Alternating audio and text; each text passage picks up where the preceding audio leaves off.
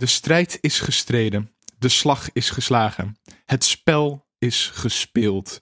Game of Thrones is na acht jaren vol intrige, geweld, plot twists en naakt voorbij. Wat hebben we toch veel meegemaakt onderweg? Een lach hier, een traan daar, soms een paar ogen uitgedrukt of een keel doorgesneden. We hebben geweldige karakters ontmoet die we nooit zullen vergeten, terwijl we anderen graag uit ons geheugen zouden willen wissen. Een reis die zeker zijn ups en downs had. Tijd voor een terugblik dus. Mijn naam is Tom Aalmoes en dit is Geeky Dingen.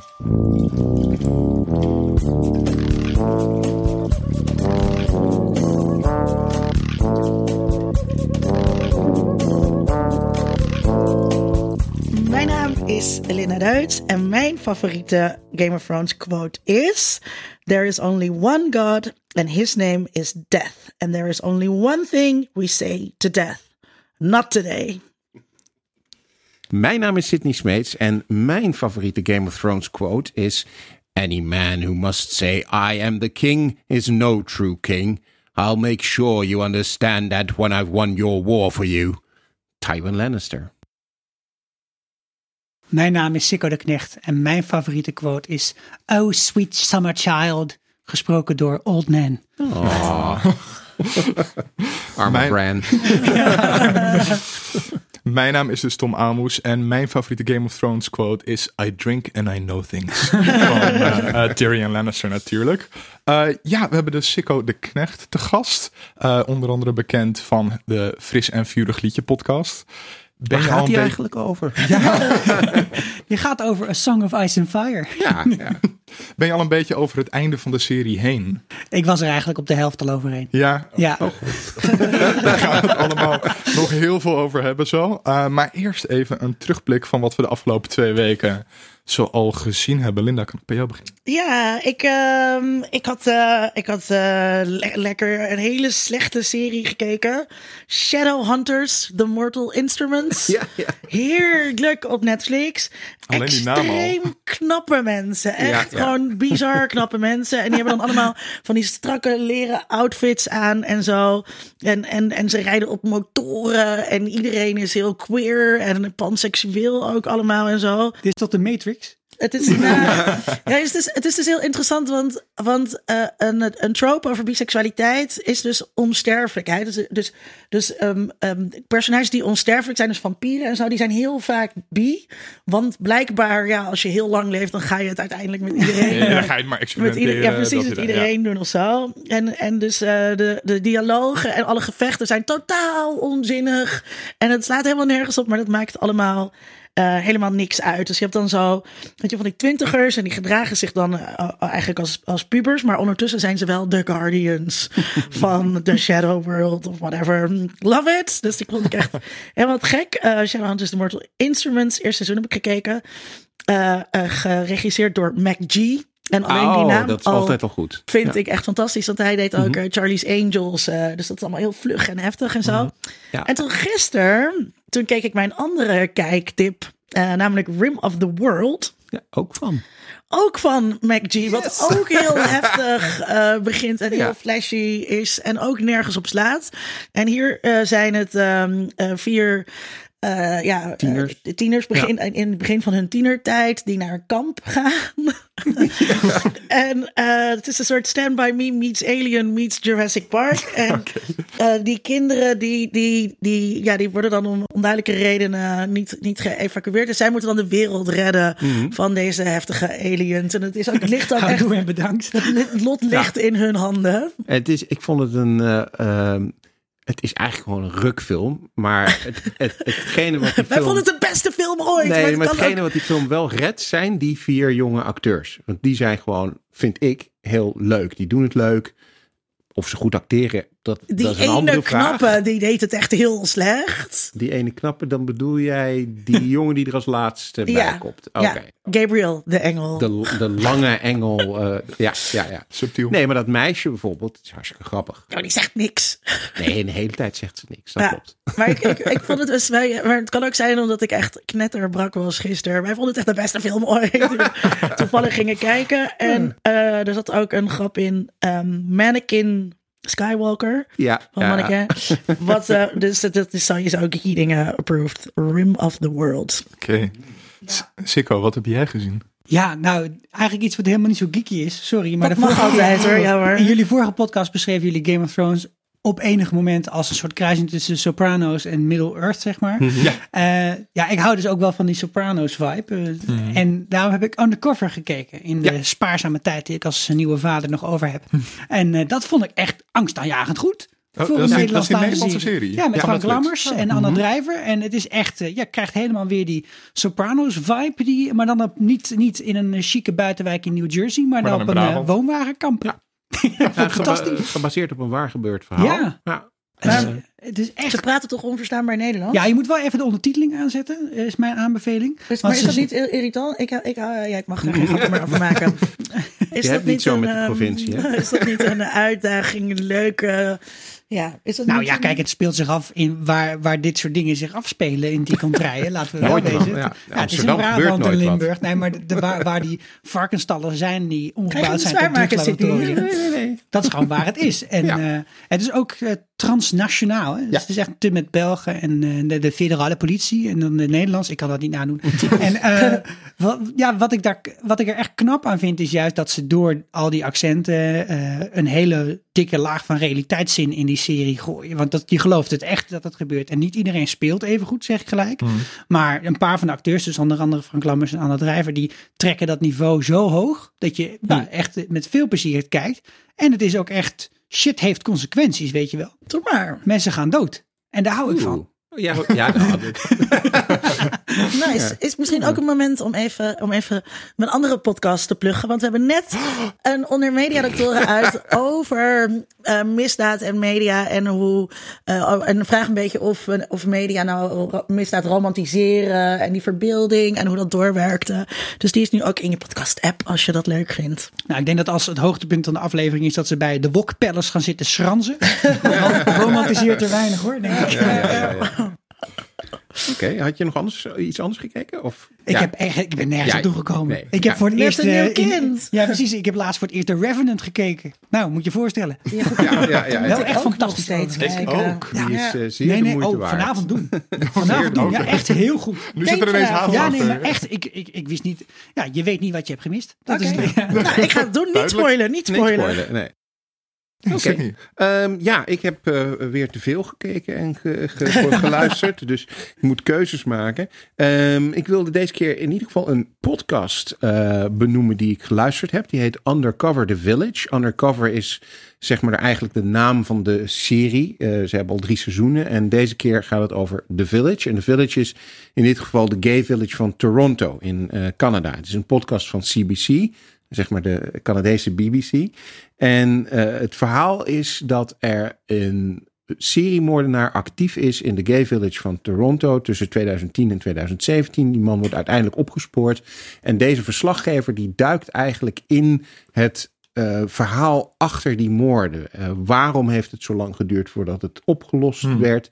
Hij gaat steeds dieper, steeds verder. Er blijken veel meer moorden te zijn die niet opgelost zijn. Heeft dat te maken met homofobie? Heeft het te maken met racisme? Want deze mannen die vermoord zijn, waren allemaal middelbare leeftijd en allemaal eh, mannen van kleur, eh, eh, donker of bruin gekleurd. Hoe heeft de relatie tussen de politie en de gay community daar een invloed op gehad? Eh, is er misschien wel sprake van homofobie bij de politie? Het is een bijzonder interessante podcast, omdat het dus eigenlijk die moorden als uitgangspunt neemt, maar veel dieper op de hele geschiedenis van de gay community in Toronto en de, en de problemen die daar zijn Hmm. met, met geweld eh, eh, ingaat. Is het true crime? Ja, absoluut true crime. Het is een, eh, documentaire podcast eigenlijk. Eh, dus een, een aanrader vond ik eh, goed om, om te luisteren.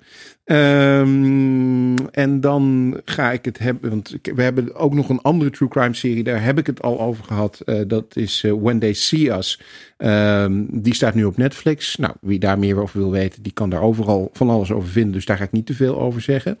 En ik heb gekeken naar de eerste aflevering van Swamp Thing. Ja, Ja, Alan Moore, toch? Ja, ja, Swamp Thing is een eh, ehm, comic van DC. Dus van de mensen van eh, Superman, Batman, et cetera. En DC, zoals we weten, is heel erg bezig om een eh, eigen een, expanded universe op te bouwen. Net zoals Marvel dat doet. En dat doen ze dus in de film en ze doen het op tv. En dat is een beetje van elkaar gescheiden. Nou, dit is een onderdeel van het tv-universum. En ja, eh, het woord zegt het al. Dit gaat gewoon over een moerasmonster. En eh, de avonturen die hij beleeft. Maar ik hoorde dat het heel Eh, vet was. Ja, het is, dat verbaasde mij. Want ik moet zeggen, eerlijk gezegd, als ik de term Swamp Thing hoor, dan denk ik niet meteen van nou, dat is toptelevisie. Of daar kan je een hele serie mee Ja, vullen. nee, precies. Maar als het nou ja. de saga of the Swamp Thing was. Ja, dan was het al anders geweest. Ja, zo heet het maar, originele ja, ja, ja. Maar ehm, het is inderdaad heel knap gedaan. Het heeft heel erg die. eh, het speelt zich natuurlijk in het zuiden eh, van Amerika af. Hè? Net zoals eh, True, True Blood. Een beetje die sfeer heeft het ook. Eh, iets Is minder. sexy? Nee, het, Is iedereen het is- biseksueel? Nee, dat niet. Het is Ik niet, niet aan. seksueel. En, eh, het is niet zo seksueel en, en, en grappig als True Blood. Maar het heeft wel heel erg die zuidelijke sfeer. Ehm, het is heel erg gothic. Ehm, ja, de sfeer wordt, dat is het vooral. De sfeer wordt heel goed neergezet. En eh, de manier waarop ze het verhaal verbeelden. heb je het idee van, nou, dat, dat, dat zo'n Swamp Thing toch misschien nog niet eens zo'n heel bizar idee eh, is, wat het natuurlijk wel is. Ehm, ja, ik vond, die, ik vond die eerste aflevering gewoon leuk, eh, of althans leuk om te zien. Dus ik ben benieuwd hoe zich dat, eh, of ze dat gaan volhouden, ook een seizoen lang en misschien meerdere seizoenen lang. Ja. Ja, klinkt goed. Ik heb het ooit zitten lezen omdat het van dezelfde maker is als V for Vendetta. Ah, ja. Mhm. Ja, En eh, Watchmen dus ook. ja Watchmen En komt ook dat, weer een nieuwe serie Dat is aan. wel misschien dan de aanbeveling die sommige mensen nodig hebben als duwtje. Ja. Ja, ja. Ehm, ik eh, heb de laatste tijd heel erg druk gehad en toen had ik ineens een weekendje vrij. Is je Ah, scriptie af, ehm, Tom? ik heb de deadline uitgesteld. Eh, en dat, dat is heel fijn, want daarvoor heb ik eventjes rust in mijn leven. en Dat Ja, je lacht ineens ook weer. Ja, ik ben veel vrolijker En ineens. dit weekend ging de zon opeens schijnen. Ja, de zon ging schijnen. Ik kreeg een tv binnen en een Xbox. En ik heb het hele weekend op de bank gezeten. Ehm, ik heb alleen maar Assassin's Creed Odyssey gespeeld. Nice. Uh, voor de mensen die het niet kennen, dat is onderdeel van een serie waarbij mensen van nu teruggaan in de tijd via allemaal gekke tijdreismachines die aan hun DNA gekoppeld is. Doet er niet toe, je komt in het verleden terecht en dan heb je ineens ehm, heel Griekenland nagemaakt in die game ten tijde van Socrates en Pericles en de Peloponnesische oorlogen.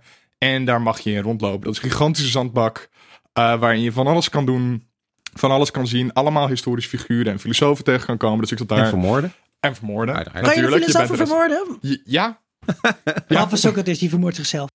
ja, ja. Ehm, Die drinkt Maar- gifbeker leeg. maar dat is dus heel erg tof. Ik, ik, ben, ik heb geschiedenis gestudeerd en ik heb filosofie gestudeerd. Dus ik zit daar gewoon soort van alleen maar te kijken. Oh, dat is dit. Oh, dat is dit. En dan zit mijn vriendin soms naast me en die zit van... "Mhm, ja, schat, is goed. Ehm, ja, Gamen dat- en samenwonen gaat ook niet echt samen. ja, zij vindt het prima om naar games te kijken. Dus dat, dat Oh, ging oké. goed. Dus zij zat ernaast te lezen en zo. en ik ga dan gewoon lekker los. Ehm opdat ik dan Pericles tegenkom of Herodotus. En dat ik echt zo... Oh mijn god, dit is de eerste geschiedschrijver. Kijk. Ehm superleuk. En ik heb ook vet lang niet gegamed. Dus games zien er ineens heel mooi uit. Eh dat ben ik helemaal niet meer gewend. Dus eh, ja, dat is heel erg tof. Kan ik heel erg aanraden. Oké, Ja. nice. Wat een kort rondje was dit. Ja, voor de verandering. We, zijn, we hebben we een er kwartiertje over doen. gedaan. In plaats van een half uur tot 40 minuten. Ik heb, mag ik dan nog, eh, mag ik nog iets Ja, bespreken ja, dan? mag. Als het, als het toch zo kort, kort is. Ehm, ik, was, ik ben wel benieuwd of jullie namelijk al gekeken hebben. Ik was begonnen aan eh, het tweede seizoen eh, van American Gods. Mhm. Ehm, eh, naar het boek van Neil Gaiman. En het, en ik, het lukt me niet. Nee. ik kom Nee. er niet doorheen. Ik kom er niet in. Het werkt gewoon niet. Heb jij het gekeken? Eh, ik heb het eerste seizoen gekeken, het tweede nog niet. Het eerste seizoen vond ik eh, interessant. Gewoon ook hoe het eruit ziet en eh, ja, hoe ze dat gedaan hebben met die moderne eh, goden. Dus ik, ben, ik, ik weet niet hoe het tweede seizoen is. Het is dus, heb jij, je hebt, je hebt het Nee, ook ik heb nog eerst niet, seizoen ook niet en- gekeken. en Het, is, maar het, is dus, het probleem is dus alleen maar... Ja, omdat, je, omdat Gaiman zo, zo vet is en daar, daardoor verwacht je er heel veel van. En het uitgangspunt is natuurlijk ook heel vet, precies wat je zegt met die moderne goden. Maar er is iets in de manier waarop het verhaal verteld wordt, waar ik ook in het eerste seizoen al een beetje tegenaan eh zat te hikken. En wat nu dan ook weer is. Dus het is een soort constante road movie Ja. eigenlijk. Ze zijn de hele tijd onderweg. En dat is natuurlijk ook wel ehm, heel erg Amerikaans of zo. Weet je, dat geeft ook wel ehm, eh, een Amerikaanse feel of zo. En het is dan heel gek, want ze zijn ook alleen maar op die binnenwegen aan het rijden. En nooit, Mhm, Ja. nooit een keer een snelweg op. Ik dan, vind ik dan ook zo gek. Want volgens mij doe je dat dus wel als je in Amerika auto rijdt. Ja. Ehm, maar ja, het is, het is, en het is mooi gemaakt, maar er zit net iets wat me erin ontbreekt. Hmm, Oké.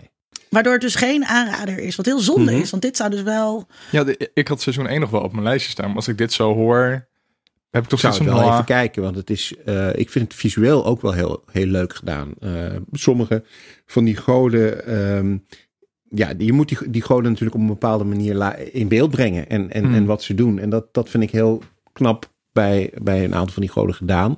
Ehm, dus ik zou het zeker wel even kijken. Oké. Ja, maar het, ja, dus je moet wel even kijken. En dan denk je, oh, dit is interessant. En dan weet ik, en dan denk ik ook bij jou, Tom, dat je, dat je gewoon na een paar afleveringen denkt: Hmm. oh, wat moet ik nog? En dat het zo'n huiswerk eh, wordt. Om Nou, dat is jammer. Ja. ja, het, en het, zit, dus- het zit volgens mij dus in het, in het narratief of zo. Daar, ontbreekt, daar ontbreekt iets waardoor, je, waardoor het echt blijft boeien. Oké. Iets wat wel blijft boeien, als we toch nog een, eh, een, een paar, een paar extra tips eh, doen. Toch iets extra. Ehm, daar hadden we het de vorige aflevering ook al over, is natuurlijk Chernobyl. Ja, Eh, heel laatste aflevering eh, komt eh, deze week uit. Dus ik ben ja die heel, is uit. eh, Ja, maar dan is zijn er maar uit. vijf afleveringen of zo. Ja, ja, een miniserie. eh, ja, en eh, de laatste aflevering, eh, daarin wordt ons beloofd dat we te zien gaan krijgen hoe het nou eigenlijk fout is gegaan in, eh, die, in die kerncentrale. Eh, en dat belooft vrij spannend en spectaculair te worden, denk ik. Want Ja, mij ook. tot nu toe zitten er heel veel hints in de serie dat er allerlei dingen heel erg mis zijn. Wat natuurlijk logisch is, want anders was dat hele ding niet ontploft. Maar, eh, Had je ook geen serie hoeven maken. Nee, nee, precies. Eh, maar het is, het, is, eh, het is een goed gemaakte serie. Het krijgt natuurlijk ook enorm veel lof overal. Volgens mij staat het de hoogst gewaardeerde serie ooit op eh, Rotten Tomatoes of Ja, zo. volgens mij over iemand naar Ehm, ja. En de reden waarom ik er nog even over begin, is omdat ik ook deze week naar The Hot Zone heb gekeken. Daar had ik de vorige aflevering al even over, dat die eraan eh, zat te komen. Eh, dat is een serie van National Geographic, maar wel een, een dramaserie. En eh, het is ook gebaseerd op een ramp eh, die ook in de jaren tachtig zich heeft afgespeeld, maar dan in de Verenigde Staten. En dat gaat over een uitbraak van het ebola-virus. en wat mij opviel is dat als je die twee series een beetje naast elkaar zet, dat het zo'n enorm verschil is. Het is allebei eh, eh, eh, op zich prima televisie. Mhm. Uh, maar Chernobyl, als je daarnaar kijkt, ik ben heel benieuwd, want jij hebt het ook gekeken. Ja. Ehm, dat is echt bijzonder. Daar zie je aan Mhm. dat het eh, qua cinematografie, qua kleur, qua muziek. Alles was in de puntjes perfect Ja, uitgewerkt ja. en uitgedacht en alles klopt. Ja, Eh, en het is ook niet standaard. Nee. Eh, de muziek bijvoorbeeld is niet eh, enorme dreunende, dramatische horrormuziek, maar Nee. is wel heel enge, goed gedaan muziek. En de Hot Zone is precies het tegenovergestelde. wel spannend en wel goed. Het verhaal, dat is gewoon goed. Maar het is een eh, productie van Scott Free, Ridley Scott. Eh, Daar hadden we het de vorige aflevering Ja. al over. Of dat, of misschien over zijn hoogtepunt heen is. En eh, ja, dat is gewoon heel erg traditioneel gemaakt. En Hmm. echt ook met van die dreunende muziek, horrormuziek eronder. Zodat je weet dat het heel spannend is als ze hmm. een virus tegenkomen. Ehm, maar ja, goed. de Hot Zone, het is leuk. eh, zeker de moeite waard om even te kijken. Maar het is geen Chernobyl. Ik vraag me dan dus af bij dat soort, bij dit, of ze dan dus wisten dat eh Chernobyl in productie was en dus ook met iets zijn gekomen, of dat dat gewoon in de lucht Oh, dat ze echt op de bandwagon springen. Ja, Ja. Ja. precies. Nee, dat denk ik niet. Want de, eh, hoewel dat wel vaak voorkomt natuurlijk. Hè, we hebben dat gezien eh, dat we jaren hadden met twee meteorietenfilms en twee vulkanenfilms. Of twee En- tovenaarfilms. Ja, was dat ook het op een gegeven altijd. eh, maar dit is denk ik eh, meer toeval omdat de Hot Zone, dat boek, daar zijn ze al, al tientallen jaren mee bezig om dat verfilmd te krijgen. En dat is op een gegeven moment helemaal mislukt, omdat er een andere film werd gemaakt op dat moment. Net zoals Ja. die, dat was namelijk eh, Outbreak. Die hebben mensen misschien nog wel gezien. En toen heeft de studio gezegd van ja, Outbreak lijkt zo op het verhaal wat wij willen gaan vertellen met de Hot Zone. Dus we stoppen er maar mee. En nu zijn ze uiteindelijk dan met die serie gekomen.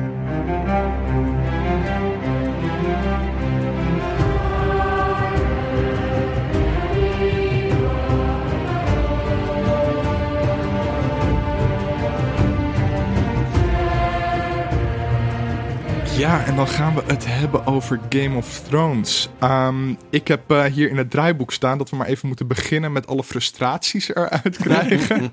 Eh, zodat we daarna terug kunnen en Hoe kunnen lang duurt bespreken. deze af? hebben we even. Ik ben zelfs over mijn frustratie eigenlijk al heen. Ik was er echt heel snel klaar mee. En ook wat we. Weet je, we hadden dus zo lang hebben we moeten wachten op dit seizoen. En, en dat was ook gewoon te lang. Dus ik was te, denk ik, ook te lang gescheiden geweest van deze mensen. En ik had ook zo, oké, let's get it over with. Weet je wel, kom op. En ik wist ook al dat het kut ging worden. Want serie-einden zijn bijna altijd kut. Dus ik wist dat ik teleurgesteld zou gaan worden. En ik werd teleurgesteld. en maar omdat ik het wist van tevoren, kon ik er makkelijker mee kopen. Oké. En het was gewoon, oké, het was kut. Het is klaar. Moving on. Oké. Verder met mijn leven. Nou, wat het Had voor jij mij, hetzelfde? Nou, het, ik heb elke aflevering weer een eh, soort opleving gehad in hoop. Elke keer weer, omdat ik steeds. Ik, ik heb, was niet eerder zo involved ook in Reddit en dat soort communities. Dat, Mhm. hè, dat, daar zijn natuurlijk he- twee hele grote stromingen. Dus ISOF en eh, Game of Thrones. Dus de, de boekenlovers en de En, serie-lovers. en Free Folk. En de Free Folk, die alleen maar leuke grappen maken de hele dag. Maar die, die staan echt een beetje tegenover elkaar. En vooral op dat eh, A Song of Ice and Fire, Ice of, da- daar zit, zit een hele community van mensen die keer zeggen... Oké, maar ze bedoelen waarschijnlijk dit. Eh, En als je dan dit en dit ziet, dan is dit aan de hand. En dan zou de volgende aflevering, zou dit wel de ontknoping kunnen zijn. Dus een van de hele grote dingen na de tweede aflevering was... Jongens, de Night King komt helemaal niet naar Winterfell. Hij Ja. vliegt gewoon gelijk door en hij landt op King's Landing. En bam, dat is de draak die we al die tijd hebben gezien. Ik en geloof deze helemaal. Ik zat- was helemaal on board Ja. met die theorie. Ja, en, en, en zo heb ik steeds ideeën gehad van, oké, misschien is het dan wel gewoon dit, weet je wel. Ja. Dan komen we er in de laatste aflevering achter dat Bran eigenlijk iedereen gewarkt heeft. Ik was op een gegeven moment, het werden zo esoterisch, die theorieën. Mhm, En ik wilde ze zo graag geloven, dat dat ook wel wat zegt over de serie, Ja. over dit seizoen. Maar ik heb toch steeds geprobeerd hoop te houden, maar het werd wel echt steeds minder. En na aflevering 5 was het wel voorbij, ben ik bang. Hmm. Toen was ook jouw hoop weg. Ja, wel dat, dat, dit, dat dit seizoen van de serie mij tot een, eh, tot een plezant einde zou brengen. Hmm. Ja. Ja, ik heb dus een beetje tegenovergestelde. Ik eh, vond het eigenlijk allemaal best wel meevallen. Ik vond het ehm, ehm, zeker de tweede keer toen ik het eh, keek. eh, ik heb het ehm, eh, ter voorbereiding van deze aflevering geprobeerd eh, alle seizoenen nog een keer achter elkaar te kijken. Dat is ook gelukt. Eh, Sydney, Sydney heeft gewoon vier parallele universa Ja. waarin hij dit allemaal kan kijken. je in Harry Potter heb je die Eigenlijk time turner waarmee je ja. Ja. terug kan. Ja. Ja. Het is gewoon niet, die is zo bizar, Sydney. Nee, precies. En ehm, wat mij opviel is als je het binget, als je het achter elkaar kijkt, dan vallen al deze eh, kritiekpunten die op zich best wel eh, terecht zijn. Want ik bedoel, eh, ah, ze kunnen eigenlijk niet onterecht zijn, want als jij dat vindt, dan vind je dat. Dan is het gewoon zo. Ehm, maar die vallen eigenlijk wel mee. Omdat als je het achter elkaar kijkt, dan zit je veel minder met dat ge- gevoel wat jij net zei. Ik zit hier nu anderhalf jaar op te wachten en nu komt dit en nu is het gewoon kut. Als je het binget, achter elkaar kijkt, dan zit je niet anderhalf jaar te wachten. Maar dan eh, heb je eh, een uur geleden de vorige aflevering gezien. En dan ga je al door naar het volgende seizoen. En dan wordt eigenlijk veel meer het verhaal, de doorlopende lijn, eh, de dingen die eh, foreshadowed worden, wordt veel duidelijker, veel Nee, dat helderder. is onzin, want er wordt helemaal niks mee gedaan. Mm, Dat is niet Er helemaal zijn waar. zoveel dingen waar niks mee wordt Er is gedaan. een heleboel waar niks mee wordt gedaan. Maar het, het verbaasde me eigenlijk dat er, een, dat er eigenlijk nog zoveel al in eerdere seizoenen min of meer voor aangekondigd wordt. Ja, maar dit is een grote discussie eh, die ook wel door veel mensen gevoerd is op het web. En ik heb er zelf een affiniteit mee. Is dat, dat foreshadowing, zeg maar, eh, Arya die op een bepaalde manier een mes laat vallen en dan in de handen Ja. Dat is niet een voorspelling. En dat is niet een logisch logische verhaallijn. Dat is iets eerder laten zien, zodat jij bij de tweede keer denkt, oh ja, dat heb ik eerder gezien. En nu heb ik een easter egg ontdekt. Nee, rot op. Het sloeg gewoon helemaal nergens op dat uiteindelijk als een duveltje uit een doosje, een of ander meisje uit een boom springt, die Night King doodslaat. Dat slaat gewoon nergens op. Nee, het hele verhaal is daar ook niet naartoe opgebouwd. Het klopt niet, er is geen afspraak over gemaakt. En ook in elk van die afleveringen, dus om dit specifieke voorbeeld aan te halen, als je had gewild dat Arya, omdat de kijkers dat zo graag willen, de Night King had doodgemaakt, prima, I'm on board with you. Laten we dat gaan regelen. Maar dan hoort er dus een scène in te zitten dat John probeert naar die tuin te komen en dat die Arya uit haar ooghoek ziet en dat zij elkaar aankijken dat zij zegt, oh nee, jij moet het doen. Dat Ja. had op zijn minst al iets geholpen. Ja. En Ja. zo heb ik zeg maar elke keer na het kijken, nog een keer kijken van tevoren, stil nadenken, hoe zou je dit dan wel moeten doen? En kon ik gewoon met mijn boerenlullenverstand ideeën en verhaallijnen bedenken in de fucking aflevering zelf, waardoor het wel beter had gewerkt. En dat, vind- dat vond ik lui. Dat voelde gehaast. Ja, van, ik, oh, ik had dat, ehm, ehm, dat is een, iemand die maakte ehm, in een YouTube-video over eh, het laatste seizoen eh, een, een soort onderscheid tussen er is een verschil tussen subverting expectations en een verrassing. Eh, Gewoon zo'n subversie, dan moet je dat- je moet dan een bepaalde trope hebben of een bepaalde verwachting van het publiek die je omdraait op een betekenisvolle manier. En een verrassing is gewoon iets wat wi- willekeurig staat. Ja. Ja. En ik, ze, ze noemen die twist dat Arya the Night King vermoordt een subversion of expectations, maar het is eigenlijk een surprise. Ja, Ehm, en want het doet niks betekenisvol, anders dan dat de Night King doodgaat. Ehm, maar qua het verhaal voor Arya, qua het verhaal overal, doet het weinig. Ja. Oké, dan ga ik een tegenargument geven. Oké. Eh, op een gegeven moment is, eh, gaan eh, John en eh, een aantal andere mensen die gaan beyond the wall, omdat ze die eh, zombie moeten ophalen om aan de rest van de wereld te laten zien dat de doden eraan komen. En op het moment dat ze die eh, zombie eh, te, te- pakken krijgen, dan vermoorden ze een White Walker. En op het moment dat ze die vermoorden, dan nou, spat die uit elkaar. Dat, dat hadden we al een keer eerder gezien. Dat had Sam ook gedaan. Maar wat we dan voor het eerst zien, is dat alle zombies die hij gemaakt heeft, dood neervallen. Maar dat is, dit hebben we het vorige keer in Alien ook over gehad. Dit is heel bekend. Kill the queen, kill the mole. Ja. Eh, stop de sleutel in het ding en dan zijn alle Ja. aliens eh, weg. Maar dat, Ehm. zat, dat, dat, dat is een heel logisch concept. Dat zeggen we niet dat het niet logisch is. Maar dat was in de serie nog niet vastgesteld dat dat zo zou zijn. Naar aanleiding van die scène bedenken ze dat. Vertellen ze dat ook. Van nou, en sterker nog, er is een hele vergadering waarin ze met elkaar bespreken. Als we de Night King kunnen doden, als we hem kunnen omleggen, ja, dan zijn we eigenlijk eh, Klaar. klaar. Dan is het probleem opgelost. En dat is natuurlijk precies wat er in die aflevering ook gebeurt. Twee en problemen. dat is ook, ja, nee, sorry, maar dat is ook, dat is ook precies waarom ze Bran in de Weirwood hebben neergezet. Hij is lokaas voor de Night King, omdat het plan is de Night King vermoorden, zodat alle Maar wat anderen wil de doodgaan. Night King met Bran? Dat is een andere vraag. En daar ben ik helemaal met je eens dat dat helemaal niet Want dat is duidelijk ook helemaal weg. Dus Nee. ik zei nog die vorige keer, in een van de vorige eh, afleveringen volgens mij, eh, dat, eh, of misschien was dat vorig jaar, dat ik helemaal, al, dat ik heb altijd zitten slapen tijdens al die dingen Ja. met Bran, want ik Bran Je niet was altijd interessant stoned, vond. heb ik begrepen. Ja. Ja, dus, en, en eh nou de los, maar dan als dan Bran kwam, dan weet je, dan draaide ik een extra jointje. En, ehm, en toen in één keer dacht ik, kut, ik moet dus alles weer gaan herkijken om Nee, die Bran-mythologie zeg maar te begrijpen. Maar dat bleek ook allemaal voor niks te zijn dat geweest. klopt. Maar dat ben ik ook met je eens. Dus Ik ga ook niet zeggen dat er helemaal niks fout aan is. Want inderdaad, bijvoorbeeld Bran vind ik echt een probleem. Omdat we echt totaal niet weten. Wat is de Three-Eyed Raven nou precies? Ja, we, we horen dat hij het, de, het soort geheugen van de We wereld is. één Maar fucking quote. Nee, Ja. we, we- we weten niks. We weten niet waarom hij het doet. Ik, wat ik bijvoorbeeld aan die aflevering, Last Night, heel storend vind, is Bran gaat dan op een gegeven moment eh, weg. Hè? Dat zegt hij ook tegen Theon. I'm, Ja. I'm going now. Waar gaat hij heen? Wat gaat hij doen? Nee, hij Wat- zit in wat de is- raven. Ja, hij zit in Ja, de raven. kan Maar waarom? Ja. Waarom? Ja, Zit hij te doen? Dus, dus zeker zitten er heel veel problemen in eh, het laatste seizoen en in die aflevering. Maar eh, ik blijf erbij. Het is, ik vind de kritiek niet allemaal even terecht. Oké, maar kijk, wat Game of Thrones voor mij altijd heel interessant maakte, was dat het een wereld was waarin wat, wat, wat fantasy Mhm. aspecten zitten, maar waarin je wel hebt afgesproken, er zijn wel bepaalde regels. Jongens, we Mhm. gaan ons wel even hier aan houden. Ja. Dat is dat J.K. Rowling dat in Harry Potter ook heel duidelijk heeft gemaakt van ja, je kunt geen eten toveren. Ja? Mhm. Dus op een gegeven moment kom je erachter dat die huiselfen dat eten dus uit de keuken naar boven toveren. Mhm. Ze hebben dat niet uit het niets getoverd, want dan slaat het helemaal nergens meer. Hoef je nooit meer te werken. En hier zijn dus ook regels over van nou, dit is hoe het werkt en dit is hoe het niet werkt. En dat moet ook intern een soort consistentie en logica Mhm, hebben. John heeft zo'n White Walker doormidden gehakt toen hij op Hardhome werd aangevallen. Ja. Waar waren toen de zombies die in elkaar stortten? Nergens. Er was een hele lange tijd duidelijk dat de manier om Whites te killen eh, was, eh, was door ze in het fik te zetten. En White Walkers was met, Iron- eh, met de Dragon Glass of dan uiteindelijk ook Valyrian Steel. En dat was ja. een super grote Ja. verrassing. Nou, niet alleen klopt dat dus niet met het verloop van de serie, want ze hebben dat gewoon veranderd. Ze hebben gezegd, nee, maar Whites moet je ook met Dragon Class doodmaken. Dat was helemaal veranderd, zodat John en Danny dan elkaar tegen zouden kunnen komen op Dragonstone. En ze hebben ze allemaal van die hele kleine subtiele dingen in de loop van de tijd allemaal een beetje lopen veranderen. Ook hoe ver het is van King's Landing naar Winterfell. Want op een gegeven moment kun je gewoon, ja. Ja. je zet één keer je brommer aan en je bent er.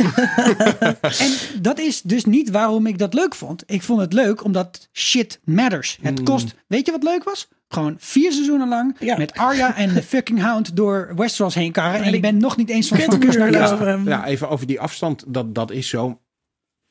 Wel viel mij op toen ik het eerste seizoen herkeek. Dat ze in het eerste seizoen eh, gek genoeg zegt eh, King Robert van, eh, dat hij zes maanden onderweg is geweest.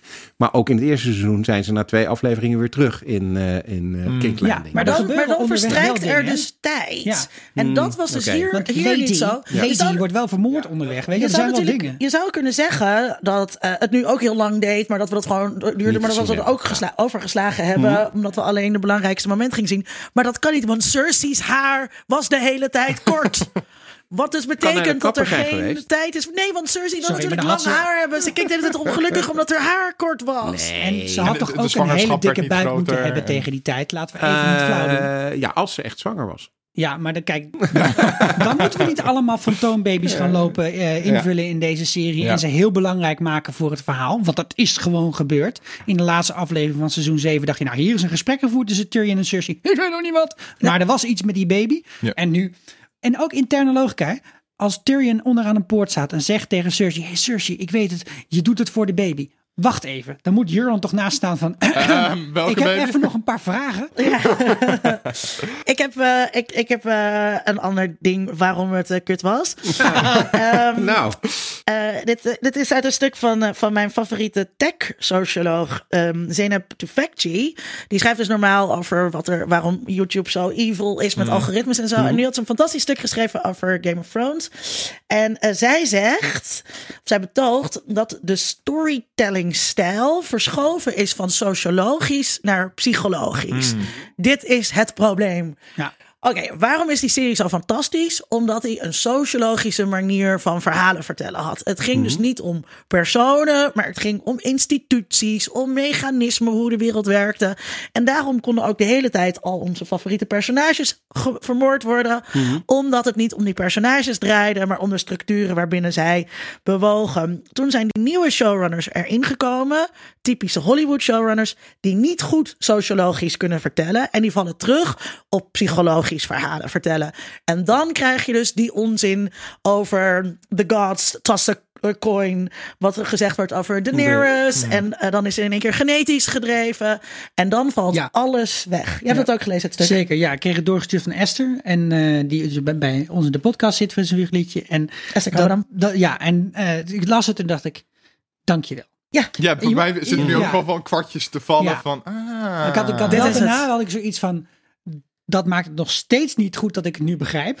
Ja. Eh, maar één voorbeeld wat, ik, wat ook gelijk in mij opkwam is dat als Tyrion op een gegeven moment hand wordt. Hè, je hebt het net allemaal gekeken, Mhm. Sydney, dan, dan, dan gaat hij in dat rare koetsje of zo, waar hij niet gedragen wordt, gaat hij ook de stad in. En dan hoort hij mensen over de kwaadaardige aap spreken. En dat bleek hij dan zelf Ja, te zijn. ja. Het, dus, en, en, en, en Sansa krijgt een, een paardenvijg naar de hoofd in dat seizoen. Weet je, het is allemaal, er is heel veel interactie met dat volk. Ja.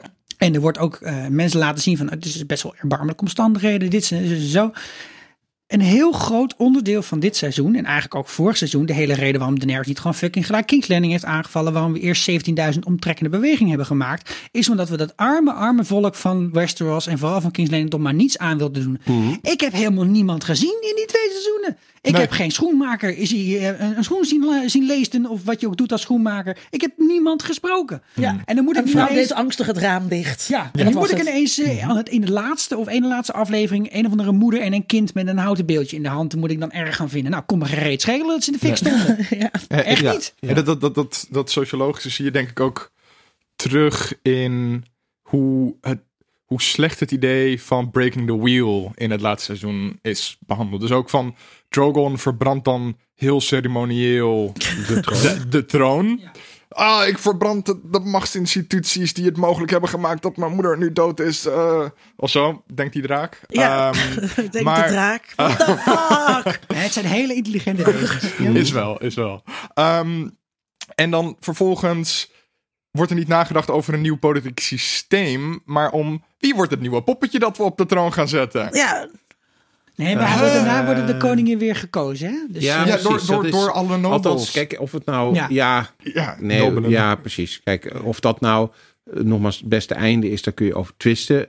Op zich, denk ik, logisch gezien, dat als je het hebt over het breken van het wiel, hè, Mhm. dus het idee dat eh, door overerving iedere keer er een koning op de troon eh, komt eh, die eh, het hele systeem in stand eh, houdt, dat het feit dat er nu een koning gekozen wordt, en sterker nog dat ze een koning kiezen die geen erfgenamen heeft, eh, dat is natuurlijk wel anders dan wat er was. En dat is, dat is een, een nieuw systeem wat er komt. Ja, nee, maar het is, maar wordt het is geen, want het, waar het om draait, oh, als het gaat over machtsmisbruik, dan gaat het niet over ehm, welke koning zit er of, of hoe komt het tot stand. Nee, maar wat voor instituties ga je bouwen? Wat voor checks en balances ga je in, het parle- in, het, in het systeem zetten? Bijvoorbeeld door een parlementaire monarch- monarchie te worden. Ga je dat inbouwen? En dat gebeurt dus helemaal niet. Nee, nu is het gewoon een ander poppetje. nooit van plan En, en, en nu kan alsnog Nee. Bran weer vermoord worden door Nee, iemand anders. ja, ja, er is helemaal geen enkel iets bedacht om dit te voorkomen. Nee, maar dat, dat was ook nooit de bedoeling. Dat, dat, dat zat ook helemaal niet in de serie dat dat ooit de bedoeling zou zijn. Maar wat, ik denk dus dat, ehm, dat eh, de- dit, deze, dit einde wel degelijk aangereikt is eh, eh, door, door, George himself. George heeft Martin, het, hij heeft het jazeker. bevestigd. Ja, ja, ja. en dat het, Ja, maar dat het, wat, wat er dus zo kut is, en daarom is dat stuk eh, eh, eh, van zijn imperfectie zo goed. Wat er dus kut is, is hoe we daar komen. Dus hoe Mhm. komt Daenerys eh, tot dat moment? Dat is dus nu gewoon een psychologische reactie. Ja. Ja. En ook nog eentje met een hele rare opbouw. overigens. Want het, ja, ook hier weer pak je pen en papier, schrijf even wat dingen om. Je kunt gewoon die scène met Rhaegal, dat hij uit de lucht geknakkerd wordt, dat, die kun je gewoon opnieuw arrangen. Dan is hij al logischer. Ja. En als je die hele scène gewoon in de vijfde aflevering stopt, ja, dan, dan, dan klopt het ook ineens veel beter. Maar dat, Ja. daar is de tijd niet voor genomen. Dan- moesten wij nog, ja. nog een weekje aan de cliffhanger hangen van, oeh, nou ben ik benieuwd wat er volgende week gaat gebeuren. Ja. Weet je? Maar ook het hele ding met Breaking the Wheel. Ik heb het even niet paraat of het nou ook in het boek staat. Volgens mij niet. Maar Daenerys wilde tijd een wheel gaan lopen breken. Mhm. Ze, en dat doet ze omdat zij de erfgenaam is. En zij Ja. vindt, die, die dingen kloppen al sowieso niet met elkaar. Dus het is gewoon bedacht Nee, maar dat nou, is ook het hele, hele punt natuurlijk. Dat, dat zij. eh, eh, zij kan helemaal niet doen wat ze zegt dat ze doet. Zij, zij gaat naar die eh, steden om de slaven te bevrijden. Maar ondertussen is ze gewoon ook een heleboel mensen aan het vermoorden. En, en, en is ze gewoon een tiran. Toen al. Dus je kunt ook zeggen van nou ja, eigenlijk als je kijkt naar wat ze in Essos heeft gedaan. Was het best wel te verwachten dat ze dit met, eh, met eh, eh, King's Landing ging doen. En is het helemaal niet zo'n hele rare ontwikkeling dat ze dit eh doet. Ik vind het ook geen, Want niet zo, is gewoon een hatelijk persoon. niet zozeer een rare ontwikkeling. Het gaat me om de manier waarop dit verhaal verteld wordt. Ja. Oké. Dat, En, dat is en wat, hoe, wat zo zij de hele tijd en, en haar handelingen geframed ja. worden. Ja, Eh, want altijd krijgen wij het idee, zij is een, een, go- een goeie. ja. Gewoon Mm. de hele tijd, ook om, om hoe zij geframed wordt als een van de main characters. Hoe Tyrion naar haar opkijkt. Tyrion iemand die we vertrouwen ondertussen. zelfs verliefd op haar geweest blijkbaar. Zelfs verliefd op Ja. haar geweest. In een bijzin. Blijkbaar. Ja. Inderdaad. Misschien was dat Ehm, waarom Tyrion in het laatste seizoen ook helemaal niks intelligents meer heeft gezegd of heeft gedaan. Hij was helemaal flabbergasted. Zat Ja. maar naar het staren. Ja. Ehm, nee, maar ik, nu ben ik helemaal kwijt wat ik aan het zeggen was. Je was aan het zeggen dat, je, eh, dat, dat zij een goede persoon was. Dat zij de held eigenlijk was. Ja, ja de- maar zo wordt ze, ze, ze afgebeeld. Ehm, je hebt dus ook dat ze op een gegeven moment letterlijk op handen gedragen wordt. Ja, Misa. Eh, een beetje white savior-achtig. Mhm. Beetje. Eh, en, en dan ineens maakt de serie in het laatste seizoen een soort 180. En dat ineens Ferris en Tyrion uit het niks zeggen... Nou, die Daenerys, dat is me er toch eentje? Ja, Ja. Dat is heel Hmm. raar. daar moeten we voor oppassen. Eh, terwijl in het, de, de seizoenen daarvoor, in ieder geval wat ik me kan herinneren, ik heb het voor het laatst gekeken toen het uitkwam, Mhm. ehm, deed Daenerys bedenkelijke dingen, maar waren de adviseurs om haar heen, zaten gewoon zo, ja prima, helemaal goed. Ja, nou kijk, elk Hmm. van deze dingen, misschien dat dit inderdaad, hè, George heeft het toegegeven van, nou, dit is ruwweg hoe ik denk dat het gaat eindigen. Hè. Hij kan altijd nog iets anders doen. Hij heeft nu goed veel input voor Ja, zijn, eh, ja. voor zijn verhaallijn. Het is eigenlijk alsof iemand de draft al heeft gelezen. Ehm, dit, dit valt ook te doen als je dit goed aanpakt. En dan hadden ze wat moeten doen wat hen is aangeboden. Ik bedoel, eh Danny, of, eh Danny of en Wise noem ik ze altijd, maar David en Dan hebben allebei eh, hebben dit aanbod gekregen van jongens, je krijgt tien seizoenen van tien afleveringen. Dat hebben ze ergens rond seizoen vijf gekregen van jongens, dit loopt lekker, we gaan dit Ja. doen. En dan hebben zij gezegd, niks ervan. Wij gaan eh, een hele rare serie over eh, de Confederate maken en we gaan nog drie Star Wars films verkrachten. Dus we are in a hurry. We gaan dit gewoon zo snel mogelijk afschrijven. En dan zie je dat ze slechte schrijvers zijn en slechte regisseurs zijn. En dat wist je al, want in Hmm. seizoen 3 hebben ze ook een keer een aflevering geregisseerd. En die was heel erg slecht. En dat hebben ze nu dan. Het Wacht, welke vrij, aflevering was dat? eh, is de aflevering waarin eh, Jamie zijn hand verliest. Nou, als je een aflevering wil zien met hele slechte dick jokes en eigenlijk Mhm. nagenoeg geen verhaal en eh, heel veel, ja, bedoel, saaie scènes eigenlijk. En dan moet aan je- het einde ineens die hand. ja, dan moet je Ja. die aflevering eens even Ja. kijken.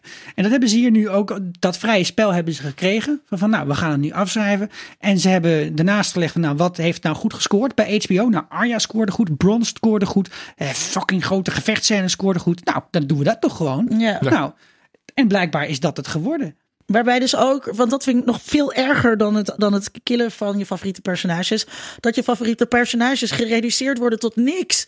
Weet je, Brienne, wat is er nog over van Brienne? Die zit er maar gewoon een beetje te zitten. En hoezo is zij ook in één keer, behoort zij tot die raad van wijzen die dan die koning aan mag wijzen? Omdat dat, gewoon, omdat dat waren alle personages Nee, nee, die nog over waren. Nee, omdat zij een, een, een Kingsguard is. En dat zit al in de serie eerder. Als Jamie op een gegeven moment eh, aansluit in de, eh, die, die, die council van de hand. eh, dan komt dat ter sprake van ja, Ja. maar eh, de, de, de Lord Commander of the King's Watch, die is toch geen lid van de raad? Nou ja, dat is wel eerder gebeurd. Dat wordt uitgelegd eerder in, in een eerder seizoen. En zij was Kingsguard voor Renly. Dus is het een hele logische karakterontwikkeling dat ze ook Kingsguard zou willen Maar er worden. is geen karakterontwikkeling. Ze Nou zit daar gewoon. Er is niks met gebeurt haar. er iets. is niks meer met haar. Ze was Queensguard van Sansa. Hè? Laten we En even wel wezen dat ze gewoon fucking eet gezworen heeft. Ergens midden in een besneeuwd bos. Waar je eigenlijk niet meer had moeten leven als je door die rivier heen ging. Daar heeft ze gewoon een eet gezworen. En blijkbaar zegt, oh nou eh, blijkbaar eh, ja. Mijn, mijn koningin scheidt zich af. Daarom word Ja, ik de toen van Bran. San- Sansa was toen geen Queen of the North. Hè? Dus dat, eh, dat heeft, die, die eet Ja. heeft ze niet gezworen. Eh, en, ze, en, en ze doet nog meer, want ze schrijft in het, eh, in het boek. Hè, er is zo'n boek. Dat hebben we ook al eerder. Nee, Oh. jij bedoelt een ander boek. Jij bedoelt een ander boek. Dat is het boek. Dat, is een, Oh. dat is inderdaad een vreselijk boek. Nee, er is een, een boek dat, dat alle verhalen van de Lord Commanders van de eh, Kingsguard bevat. Ja, ook en dat, dat- hebben we. En dat- dat, dat hebben boek we. is dat stom. boek, nee, maar dat boek hebben we ook in eerdere Ja, seizoenen maar al het gaat er niet om dat we het eerder gezien hebben. Jawel, want het het gaat gaat erom dat het debiel is dat zij een soort liefdesbrief. Zij is een Nee, vechter. ze is geen auteur. Ze schrijft geen liefdesbrief. Ze maakt die Wat zij, aantekeningen. nee, wat zij, wat zij, in dat boek worden alle grote daden van de Lord Commanders van de King's Watch opgeschreven. Daar zijn in eerdere seizoenen hele scènes over geweest dat de eh, entry van eh, Jamie Lannister maar één ding bevat, namelijk heeft zijn koning vermoord. En daar maakt bijvoorbeeld Joffrey een aantal hele nare grappen over tegen Jamie Lannister. En het is heel duidelijk dat Jamie Lannister het heel vervelend vindt dat er echt bijna niks over hem in dat boek staat. Dus de manier om Jamie Lannister, die zij eh, beminde, eh, om die te eren, is om in dat boek op te schrijven wat zijn grote daden zijn geweest. Dat is helemaal niet een liefdesbrief. Dat Het is, is, een, gewoon. het Dat is is een liefdesdaad. Hm. En het maakt totaal geen sens dat zij dat aan het doen is. Natuurlijk wel. Natuurlijk, Natuurlijk wel. Zij is, zij is op dat moment Lord Commander van de, van de Kingsguard. En, En dan gaat ze er een beetje moet- liefdevol op zitten pennen. Ja, maar dat mijn alle, grote dat, dat hele boek staat strijdende... vol met verhalen van alle andere Lord Mijn, Commanders. mijn grote strijdende vrouw wordt gereduceerd tot een verliefd meisje. En voor de rest doet Ja, ze helemaal nou, dan niks is dat meer. beschrijven in dat boek en dat Pussy album is nog niet het allerergste. Ja, bedoel, dat, dat dankjewel, moment dat ze in de fucking nachtjapon staat omdat Jamie weggaat. Dat was Dat hetgeen, een- toen ja. brak mijn Ja. hart.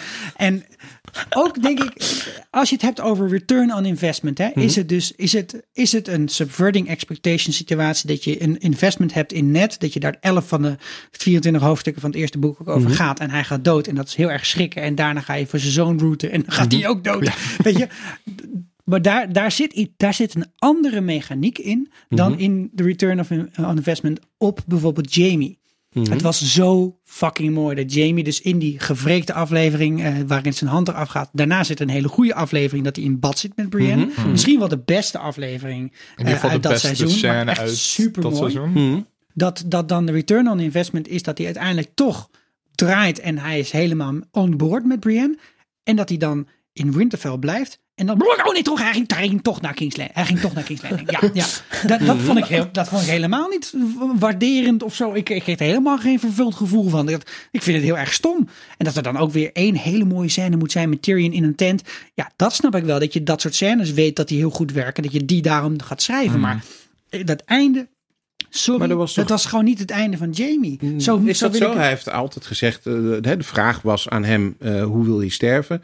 Nou, in de armen van de vrouw die ik Ja, lief maar hij had er dat natuurlijk moeten wat er is vermoorden. Dat, voelt, dat, dat, dat, dat had voor iedereen veel beter gevoeld natuurlijk. Ja, dit was sowieso heel teleurstellend. Dat je niet echt zag hoe ze doodgingen. Maar dat ze gewoon in dat puin vielen. En letterlijk een stap opzij hadden kunnen doen. Ja. Ja. maar dat vond ik trouwens ook. Dus als dan, als dan ehm, de hound aan het vechten is met zijn broer.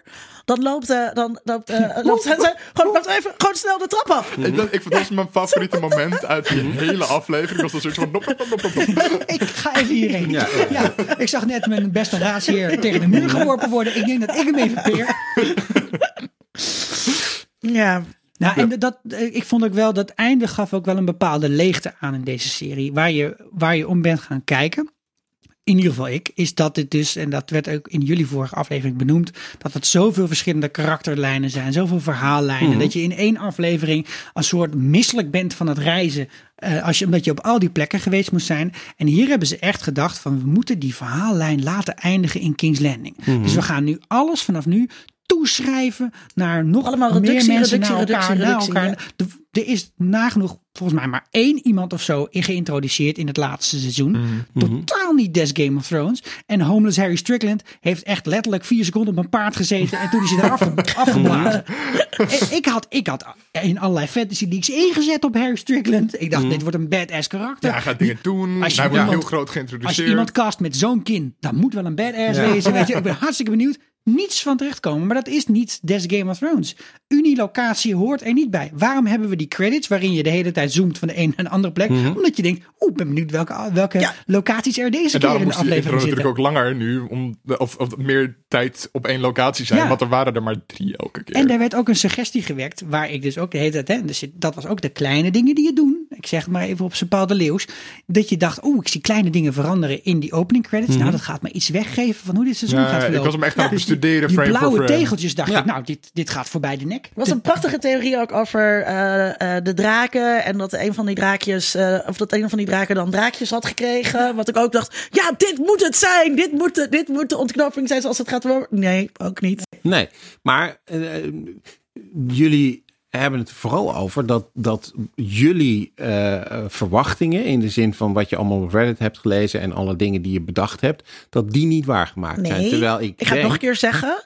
De manier Nee. van storytellen is veranderd. Ja. Dat heeft niet zoveel met mijn verwachtingen te maken. Dat heeft met die schrijvers te maken die het gewoon verkut hebben. Nou, dat ben ik niet met je eens dat ze het verkut hebben. Ik, eh, eh, Maar vind je, de dit, van vind je deze, Sidney, even, vind je dit, dit verhaal over dat sociologische storytelling naar psychologische storytelling? Ja, nee, nee. maar Kan je dat- daar dat- vinden? Dat- eh, ja, tuurlijk kan ik me daarin vinden. Maar dat wil nog niet zeggen dat het per se slechter of eh, niet goed is. En dat, maar dat juist de aantrekkingskracht van. Van, voor sommigen wel en voor een heleboel mensen ook niet. Maar dat is ook, ik denk dus ook, en waar, waar, waar hebben we het over als we het hebben over de Golden Age of Television? Dan hebben we het over gelaagde personages. We hebben het Mhm. over de dingen die zijn ingezet met bijvoorbeeld The Wire, wat natuurlijk absoluut een serie is. Mhm. Die gaat over instituties en hoe personen door die instituties beïnvloed worden. Dat is wat het interessant maakt. En het is precies wat Sikko zegt. Wat we dan vervolgens gaan doen, is kijken naar wat scoort lekker bij het publiek. In plaats van Ja, is niet helemaal waar. Want ons ze, wat ze, wat mee ze te nemen doen, in zo'n in zo'n sociale analyse. Nee, want dat, maar dat is, dat is niet waar. Want wat ze doen is een verhaal vertellen op basis van wat George R. R. Martin bedacht heeft. Zij, zij hebben, ben ik helemaal met je eens, het veel te weinig tijd eh, genomen. Eh, ze hebben het afgeraffeld. Er zitten hele rare eh, dingen in. Er zitten logische fouten in. Maar het is niet zo dat ze alleen maar hebben gekeken van, nou, wat scoort lekker, dan gaan we dat doen. Dat is Ja, gewoon welke niet zo. manier van vertellen, dus wat voor soort scènes, wel, dat, welke scoren, dat gaan we doen. In Nee. plaats van wat wat, wat dus die sociologische manier is, Mhm. veel eindelozer doorgaan op hoe we gevormd worden door deze kijk, mechanismen. misschien is het ook geen 100% verhaal. Het is iets wat ze hebben alleen maar gedaan. Nee, dat. dat- dat is maar niet zo. kijk, je moet dan wel eh, in zo'n geval dat je dus de keuze maakt van ik ga niet nog vier seizoenen maken van tien afleveringen, ik maak er twee van zes à zeven. eh, dan, dan zitten er ook gelijk weer verwachtingen in het hoofd van het kijkende Mhm. publiek. En die dachten waarschijnlijk van nou, die gaan de tijd van van een soort speelfilms nemen. Dus die gaan eh, mooie ingewikkelde verhaallijnen gaan ze uitwerken in enkele afleveringen of dat soort dingen. Daar, dat, dat, dat, dat is dan je verwachtingen misschien. Maar ze hebben toch wat ze over hadden aan tijd volgepland met shit. Waar ik niet per se hè, als klassieke Game of Thrones kijker op zit te wachten.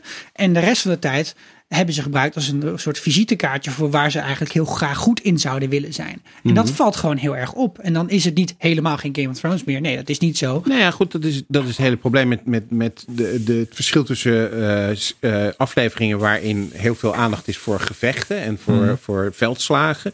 Of afleveringen waarin heel veel gepraat wordt. Ehm, ik ben ook meer gecharmeerd van de afleveringen waar meer in gepraat wordt, omdat gevechten al vrij snel saai worden. Ja. Maar er zijn heel veel mensen, en ik bedoel nu net alsof die mensen, en dat vind, dat vind ik gewoon echt, dat vind ik niet kies. Net alsof die mensen geen echte Game of Thrones fans zouden zijn, of dat die het verkeerd hebben. Nee, er zijn heel veel mensen die dat hartstikke geweldig vinden. Maar da- dat, dat mag ik gewoon. echt, dat je dat zegt. Ik heb dat ook nooit gezegd, Sydney. En het spijt me als jij je aangevallen Nee, ik voelt omdat jij het leuk vindt. Nee, ik voel me helemaal niet aangevallen omdat ik het leuk vind. Ik, ik, ik zeg alleen dat de mening dat dit slecht is. Of dat dit niet goed zou zijn. Of dat, ze, eh, dat, dat de eh, verandering van manier van waarop het verhaal verteld zou worden.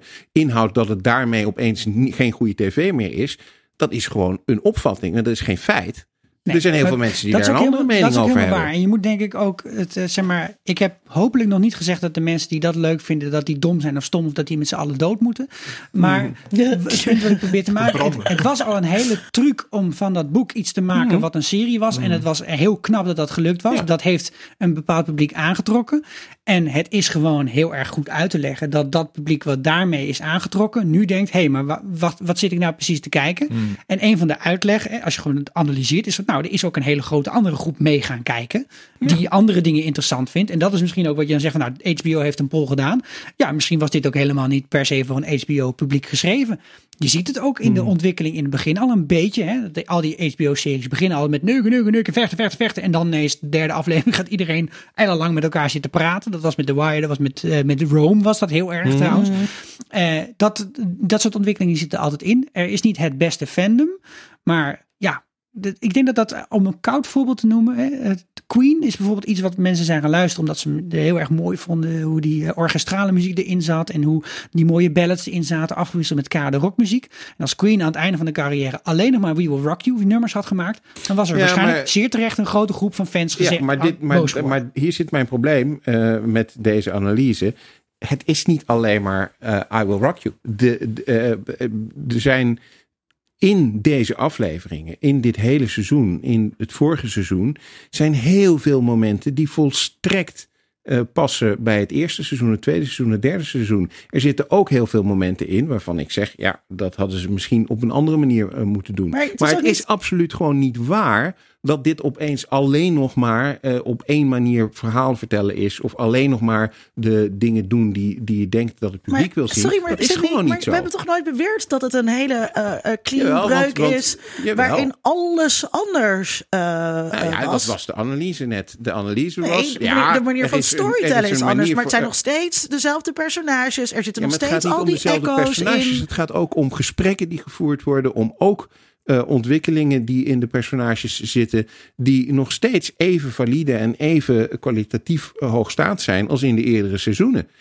En ja, ik geef onmiddellijk toe dat in die eerdere seizoenen er veel meer tijd voor was. En we veel meer van dat soort momenten hebben gezien. Maar ik durf te beweren, dat is ook een analyse die, die bijvoorbeeld door, door een andere eh, Game of Thrones podcast wordt gemaakt. Die eh, vanaf het eerste seizoen tot het laatste seizoen alle afleveringen iedere keer geanalyseerd hebben en teruggekeken hebben. Nee, niet Fries en Fleurig liedje.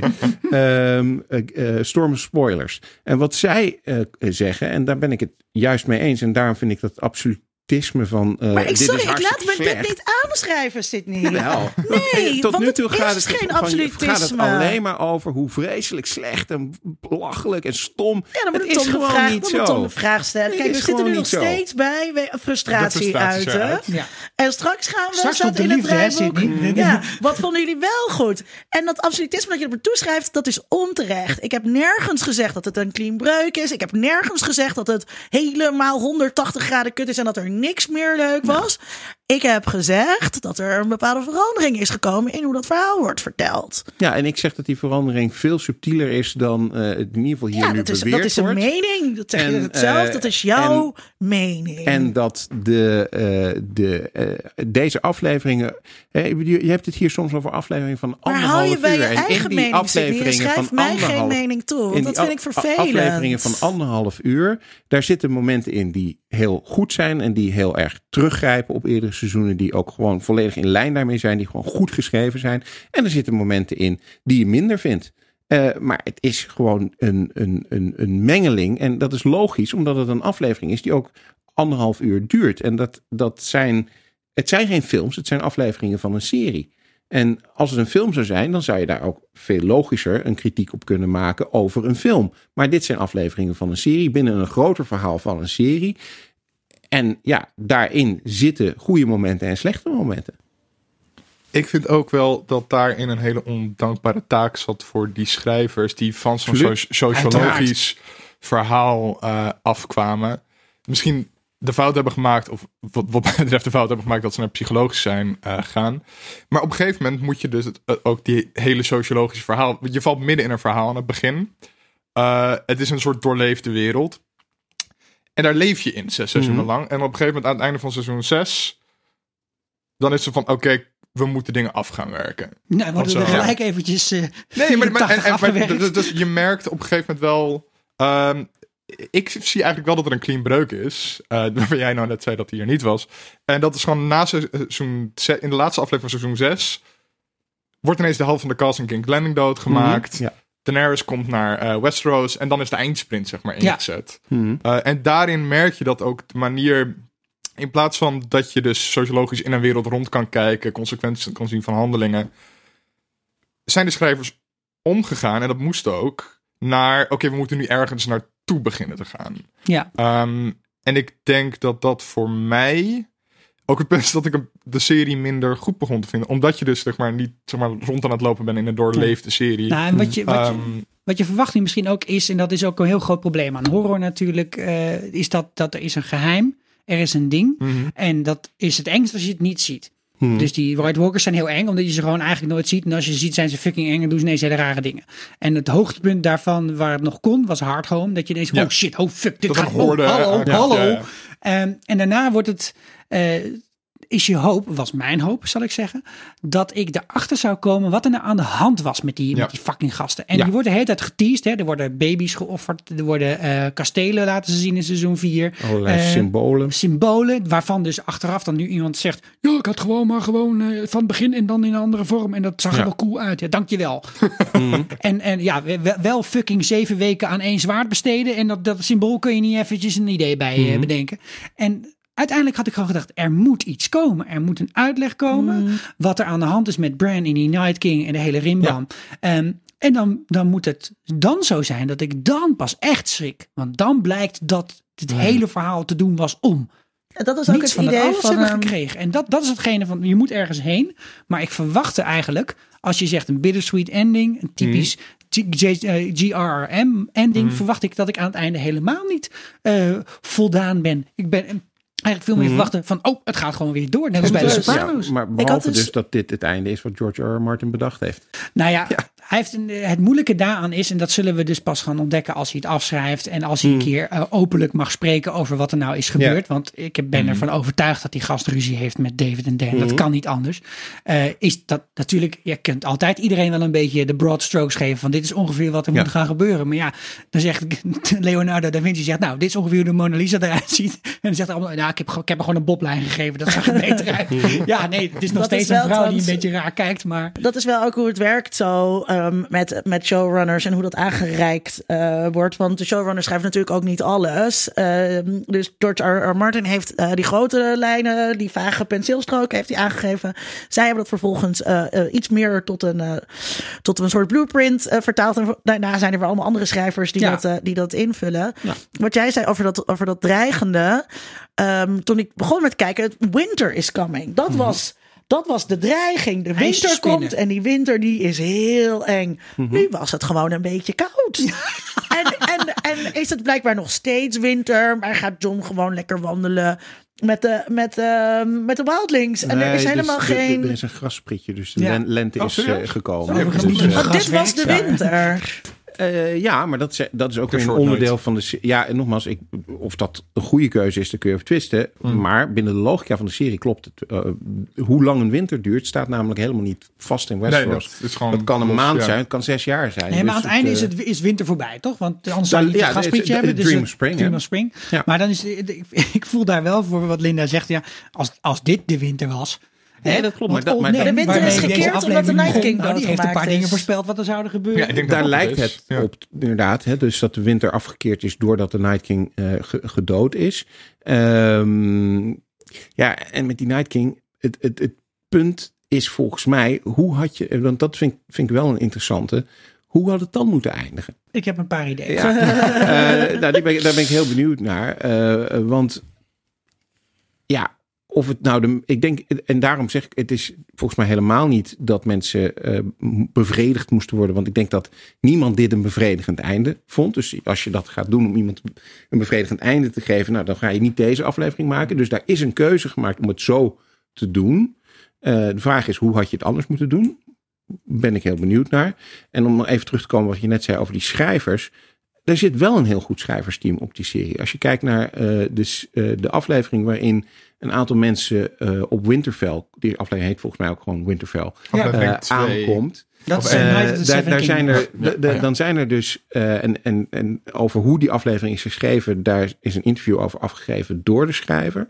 Waarin die zegt van, nou ja, eerst had ik een scène en dan komen Sansa en eh, eh, eh, Theon, die komen elkaar tegen en die gaan elkaar dan vertellen wat ze allemaal hebben meegemaakt. En uiteindelijk heb ik ervoor gekozen om daar niet een heel verhaal te laten vertellen, maar om ze gewoon in één scène samen te laten zitten aan een tafel waarin ze samen iets aan het eten zijn. Hmm. En eh, een scène tussen eh, Gilly en eh, Davos, die allebei hebben leren lezen door Shireen. Shireen.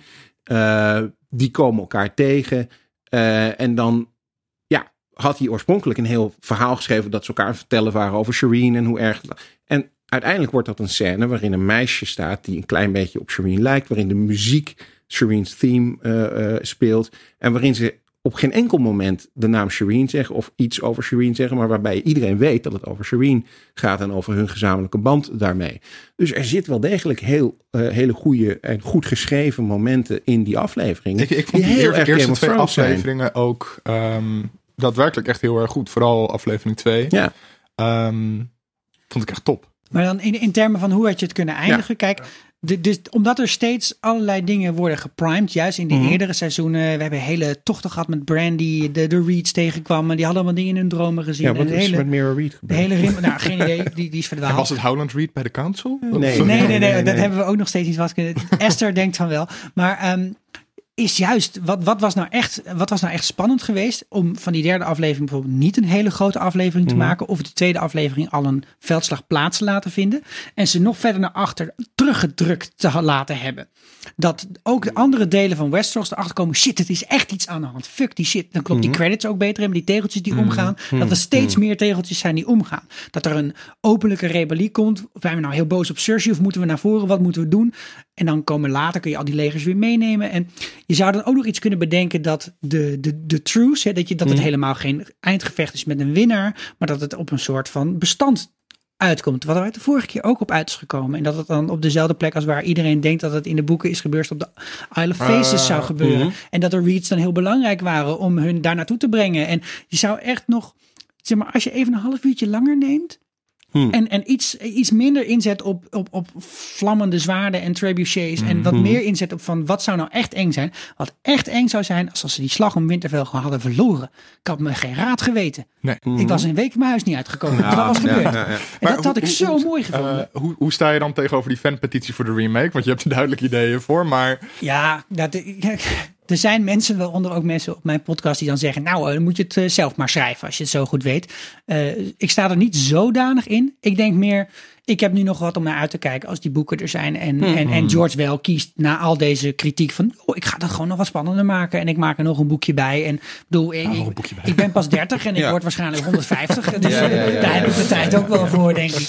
En, eh, en wat ik ook echt denk, is dat, dat als je dan toch maar deze vraag hint.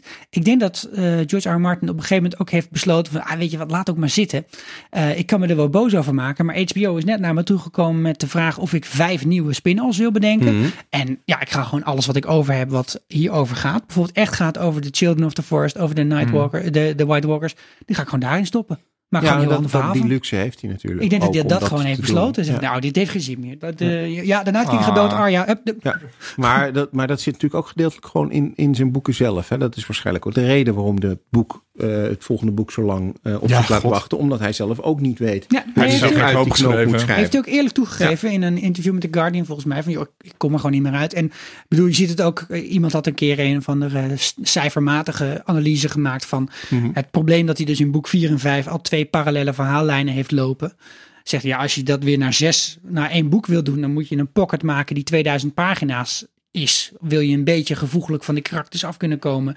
En dat lukt hem gewoon nooit Nee. meer. Maar Nee. dat is, dat is, daarom is, wat wel interessant vind ik, is dus, ik heb die boeken nooit gelezen, maar het verschil tussen hoe je schrijft voor boeken en hoe je, hoe je kunt schrijven voor boeken, die gewoon van jou zijn. En jij mag gewoon bepalen hoe lang je die gaat maken. Je mag ook bepalen hoe lang je erover gaat doen. Terwijl de logica van tv werkt heel anders. Die Ja. discipline eh, is anders. Ze hebben al uitzonderlijke dingen kunnen doen voor Game of Thrones. Het was al heel uitzonderlijk dat er een jaar overgeslagen is.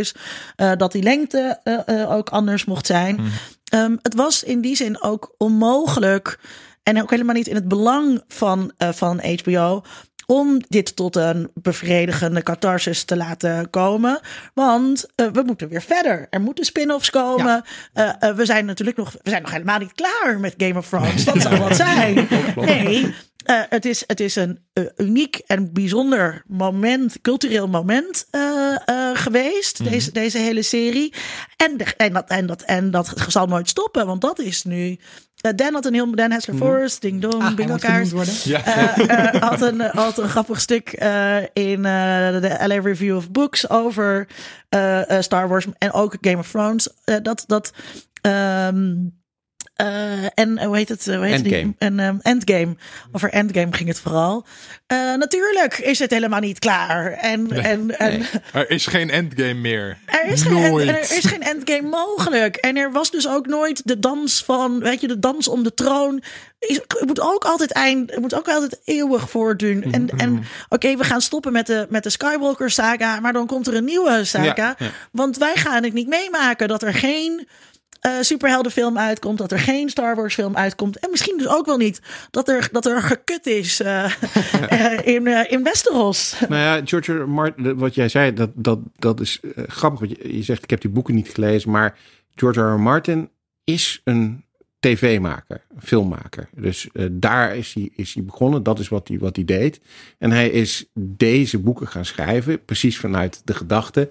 Ja, als ik op tv eh, dingen wil doen, dan kan dat vaak niet. Want er is geen budget voor of ze willen het niet maken. Ja. Dus ga ik het gewoon schrijven in een boek. En dan kan ik inderdaad precies doen wat ik wil. En dat is eh, ook waarom heel lang gedacht werd dat Game of Thrones gewoon niet te verfilmen zou zijn. Omdat dat, het echt vanuit het idee is geschreven dat het onfilmbaar is. Ja, precies. Het was ook de bedoeling dat het niet te verfilmen zou zijn. Ja. Eh, en in die zin moet je HBO en, en Benioff en Weiss eh, wel de credits geven dat, dat ze dat wel gelukt is om dat te doen. 100 procent. Ja. Totdat het bronmateriaal. Ja, ja, ja tot het ja, ook was. Ja. Hey, maar even terug naar die fanpetitie. Eh Linda, jij weet een beetje meer over fans en fancultuur en zo. Is, is dit uitzonderlijk dat fans in zulke grote getalen ehm, aankomen kloppen om eh, eh, iets anders? Eh, ik denk dat het, het heeft ook te maken natuurlijk met de nieuwe manieren waarop fans zich kunnen organiseren. En de- waarop je zoiets kunt opzetten. Eh, eh, dus nee, vroeger, vroeger was je gewoon in je, in, je, in je slaapkamertje boos. Samen met je vrienden eh, erover. En dan zat je erover te miepen. En daar, en daar bleef op het Twitter bij. en Reddit zien dat, dat je niet alleen was. Precies. Nou ja, je kon dus wel merken aan mensen in je omgeving dat je, dat je niet alleen was of in een, eh in een fanmagazine eh, daarover klagen. Maar dat ging ook allemaal veel trager. Hè? Dus dat was ook veel minder wereldwijd, zeg maar. Dus dat, eh, ehm, dat, dat maakt dat dit wel anders is. Maar het sentiment is denk ik niet zo anders. Kijk, er is altijd een strijd tussen eh, producers en fans. Dat is kenmerkend aan, eh, eh, aan fans en aan de relaties ehm, die ermee zijn. Eh, producenten doen het nooit goed, kunnen het ook nooit goed doen, omdat fans vinden dat het van hun is. En dat is dat ook wat hier is. Weet je, dus die vinden dat Game of Thrones van hun is. En dan, eh, of denk aan Michael Minnebo, hè, hoe boos hij was op de schrijvers van Spider-Man. Die hadden Spider-Man van hem, Spider-Man van hem afgepakt of vermoord. Of hè, dus die claim, zeg maar, die fans daarop op leggen maakt dat fandom ook heel frustrerend, want het is niet van hun. En het is gewoon een mediaproduct en dat is in handen van een bedrijf. En dat bedrijf heeft hele andere doelstellingen dan eh, fans gelukkig maken. Maar mag ik daar, dit is een argument dat ik heel veel heb gehoord en ik snap het ook, kan het ook invoelen. Maar als iemand die nu een podcast zit op te nemen met een paar fans in een kamer waar ik alleen maar plastic vervormde dingen zie die Ja, ja. iets van een serie zouden moeten betekenen, dan denk ik ook, ja, maar weet je, je zit iedereen wel de hele tijd in zo'n trap te luren. Van ga, mij, ga die boekjes kopen, ga die films kijken in de bioscoop, ga fucking 18,50 euro uitgeven voor een 3D-variant van Spider-Man en koop daarna een of ander pak voor je kind en 15 poppetjes. Je moet het dan ook niet doen van, het is helemaal niet van jou. Rot op, ik heb voor verdomme al wel 400 euro geïnvesteerd in sommige van die series. Ik, maar, maar kraken dat het inmiddels een beetje van mij is. Nou je je ik kan een broek terugbrengen als je hem niet mooi vindt, maar je kan een serie niet terugbrengen. Maar je, en je, maar je Nee, doet ja, die poppetjes moeten dan meer waard worden, maar eh, je doet nog veel meer natuurlijk dan je geld investeren. Je investeert heel erg je tijd. tijd, mijn liefde, Ja, Dat, zorg. dat had ik dus hier heel erg mee. Acht jaar heb van mijn leven heb ik hiermee doorgebracht. Langer dan de langste relatie die ik ooit heb gehad. Langer dan dat ik op de middelbare school heb gezeten. Al die dingen. En je investeert ook heel veel emotie in, Ja. die, in die personages. Juist omdat ze je zo eh, aan het hart gaan. En ehm, ja, dat, dat geeft het gevoel van, van eigenaarschap. En het, is, en het is een heel uitwisselingsrelatie. En daarbij komt ook nog eens een keertje... heel veel fans worden eh, tegenwoordig producenten. Dus die worden maker. Ehm, Zoals wij. Eh, zoals, zoals wij, ja, maar dus die worden ook van hun eigen franchise. Ja, eh, van, de, van, de, van, van de dingen die ze leuk vinden. Omdat die franchises dus zo lang lopen. Kijk, en er zullen ook eh, fans van geeky dingen zijn. Die ook boos worden op hoe wij dingen doen. Of onderwerpen die wij niet bespreken. Of kanten die wij niet opgaan. Sorry. Ja, nee, niks, Ja, moet je daar dus sorry je eigen, zeggen? po- begin je eigen dikke lul, we zitten hier aan de keukentafel, maken Ja. een podcast. Ja. Ja. heb jij dan niks over te zeggen? Nee, maar En- maar dus daar, kijk, ik vind het interessanter. eh, of het zou, het zou, denk ik, fijner ook voor die fans zijn als ze in plaats van een petitie zouden starten, eh, alternatieve eindes gaan, gaan schrijven. En dus inderdaad gaan bedenken en dat zelf misschien in stop motion gaan maken. eh, dat ook zelf gaan maken. Ik bedoel, ga er, ga er op die manier mee aan de slag. Steek je energie wat dat betreft wat positiever en wat creatiever in dan, dan, dan alleen maar dit. Dus het is ook heel. Eh, het is heel eisend, hè? Het is meer eisend dan een ander einde komt. Nou, zij moeten een ander einde voor me bedenken. Ja, dat kan je ook zelf gaan doen. Ja. Ja. Dan heb je al die poppetjes, dan kun je dat mee naspelen. Ja, ja, ja, ja, ja, ja. Ehm, ja, nou ja, nee, ja, goed. Ik ben sowieso niet zo van petities eh, eh, om, om dingen te veranderen. Want dat zo'nzelfde peti- petitie is natuurlijk ook over The Last Jedi eh, Ja. geweest. En meestal zijn het niet de leukste fans die dat soort petities eh, Nee. bedenken. Maar kijk, ik zie het ook wel, hè, dit argument van... eh, je kunt zeggen, kunst is iets verhevens. En het is iets wat van de maker is. En dat is niet van jou. Ehm, en die analyse heb ik ook ergens gelezen op een moeilijke website. Van ja, het is veel te veel op consumenten gericht geraakt. Het is veel te kapitalistisch ingesteld. Het is neoliberaal. Nou goed, hebben al die woorden zijn dan de, hebben de revue gepasseerd. Denk ik, ja, dat is allemaal leuk en aardig. Maar feit blijft dat het mensen, mensen zijn die heel erg hebben geïnvesteerd ergens in. En die je toch een belofte hebt gedaan door ze allerlei verhaallijnen voor te schoten waar ze iets van verwachten. En dat was ook met de Last Jedi was dat inderdaad ook een ding. Ik vond dat initieel heel erg leuk. Kun je op band terugluisteren. En toen ik er nog eens een keer naar ging kijken dacht ik, maar wacht even. waar heb ik nou precies eigenlijk naar zitten kijken? En waarom hebben ze hyperspace kapot gemaakt? En dat zijn dingen, je creëert een wereld, je creëert een fanbase, je creëert een verhaal. En dan is het ook wel ergens deel van je eigen kunnen om te zeggen, daar hou ik, daar hou ik het ook binnen. Ja. En als je het dan kapot maakt, ja, dan moet je niet boos worden dat mensen boos op jou worden. Dat vind, ik- dat vind ik ook niet eerlijk. Hmm. Ja, dat weet ik niet, want... eh, ik weet ook niet of die makers zich daar zoveel van aantrekken. Nee, dat denk ik ook niet. Nee, nee, nee. Laughing all the way to the bank. ja, ja, ja. ja, Nou, maar zou- zouden het, oké, misschien niet de makers, maar ik heb de, wat bijvoorbeeld interessant is om te zien, dan moet je ook even kijken of dat niet te flauw achter elkaar gemonteerd is. Maar er zijn dus best wel veel van die kleine interviewtjes Ja, achter elkaar gezet met met, de acteurs. acteurs Mhm. van Game of Thrones. En er is eigenlijk gewoon geen één die zegt, ja, ik was heel blij. Of ik Best vond het echt season supermooi. ever! Ja, eh, denk ik, nou ja, die zijn, laten we dan op zijn minst erkennen dat zij wel echt heel erg invested zijn. En als zij dan dit soort dingen afgeven als signaal, en George ook, dan denk ik ook, nou ja, volgens mij zijn, zijn we dus ook niet de enige. En die, die fancommunity die duikt erop, die vindt het natuurlijk prachtig dat, Oh, eh, dat ze God. gelijk krijgen van, van, De- van de- acteur- Dinklage. dat, dat vond ik wel vervelend op een gegeven moment worden bij Free Folk. Dat elke acteur die ook maar. Die, die bijvoorbeeld tijdens de ronde tafel le- eh, gewoon dat, dat, dat, Mhm. dat ze aan elkaar eh, het script gingen Script voorlezen. voorlezen, ja. Eh, dat, dat de acteur van Ferris, ik ben zijn naam kwijt kan. kan het heel. die, ehm, die vertrekt op een gegeven moment zijn gezicht een beetje of zo. Freeze frame, vol op het internet. Hij vond het kut. Kijk, hier is fotograaf Ja, ja, ja. bij. Ja. Hij is onze held. Ja. Wat goed dat hij het kut vond. Hé, maar zijn er, zijn er naast Sydney ook nog mensen online die het dus wel goed vonden? Ja, je hebt de eh, Game of Thrones eh, subreddits. Die is eh, vrij positief. Ja, ja, nog En, steeds. en- maar de, de ja. leuke, leuker is nog de, de, de Isoft Circle Jerk. Dat is een heel kleine community, maar die, zit, die doen net alsof zij dan echt de boekliefhebbers zijn die nu boos zijn over de serie. En die maken daar dan hele tijd flauwe memes over. Oh, leuk. Ik vond dat wel een metaniveau waar ik me wel ook Dat is een weer... meta op de meta. Als het dan echt half drie s'nachts is, dan ga ik daar heel goed op. ja. Vonden wij dingen nog wel echt heel goed aan het laatste seizoen? Ik ben dat meteen vergeten. Ben je dat meteen Het vergeten? lied, het lied van Podrick was wel Ach, gewoon amazing. heel erg mooi. Sowieso alles wat Podrick deed dit hele seizoen is te klein. Maar ja, Podrick! En eh, cinematografisch, als je dan toch zo'n Kalasar hebt en je zet dan hun zwaardjes in de fik en ze rennen zo op de vijand af en dan binnen no time is het en niks meer. Dat was, Dat was wel heel echt goed. fucking eng. Sowieso die productiewaarde dit hele Ja, seizoen. ja, maar Eh, toen dat eh, gebeurde dacht ik wel, this is going to be fun. eh, dus, eh, je, je kunt kennelijk twisten over eh, of je het verhaal heel erg, eh, eh, of dat je heel erg aansprak. Waar ik denk, wat ik denk dat heel moeilijk is om te betwisten, is dat het, eh, dat het, dat het er ongelooflijk goed uitzag allemaal. het is super goed Eh, gemaakt. De, de, de speciale effecten, de, de, de White Walkers, de zombies, alles. Eh, de, de, de kastelen die gewoon nagebouwd zijn. Een hele straat in King's Landing die gewoon nagebouwd is en dan in de fik wordt eh, eh, gezet. Het zag er allemaal fantastisch goed uit. Het had natuurlijk ook een enorm budget. Ik geloof Ja. ik van 15 miljoen per aflevering. Ja. Ehm, maar het zag er gewoon fantastisch goed, eh, goed uit. Dat Sydney is zegt ook het heel wel- defensief, terwijl niemand dit niet Nee, nee, vindt. Nee, ik- daarom zeg ik ook, ik denk dat iedereen dat je kijkt ook een beetje vinden. defensief. Nee, helemaal niet. Helemaal niks. Eh, nee. Ik zeg net juist, ik kan, ik kan me niet voorstellen dat iemand dat niet zou vinden. Dat Ja. het er fantastisch goed uitzag. zag.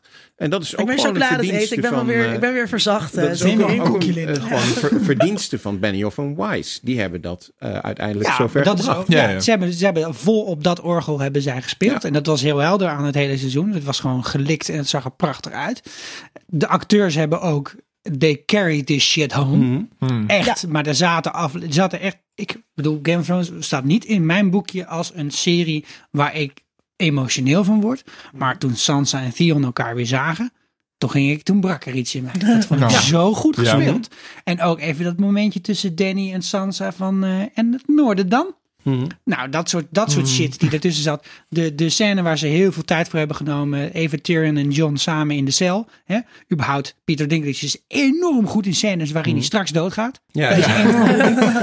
Dat, eh, dat, dat was fantastisch. En dat werd supergoed geacteerd. En daar zaten ook een aantal eh, scènes bij met een heel mooi gesprek gewoon. Echt heel erg fijn om naar te luisteren en eh, leuk om te kijken. van Tyrion toch eigenlijk wel. ehm, mij werd gevraagd eh, voor de ene laatste aflevering wie ik dacht dat er op de troon zou eindigen. En toen dacht ik is Tyrion. Eh, dat was niet zo. was bijna zo. Eh, was bijna zo. Maar ik denk, Tyrion was toch wel alles voor, voor mij. Hmm. Als, je, als je het moet hebben over wat is Game of Thrones, dan, dan is het toch wel Tyrion. En hoe wonderlijk het is dat hij aan het einde nog leefde. Dat hij met zijn kleine beentjes Nou ja. door elke oorlog heen, eh, heen En wandelde. hij is ver gekomen. Hè?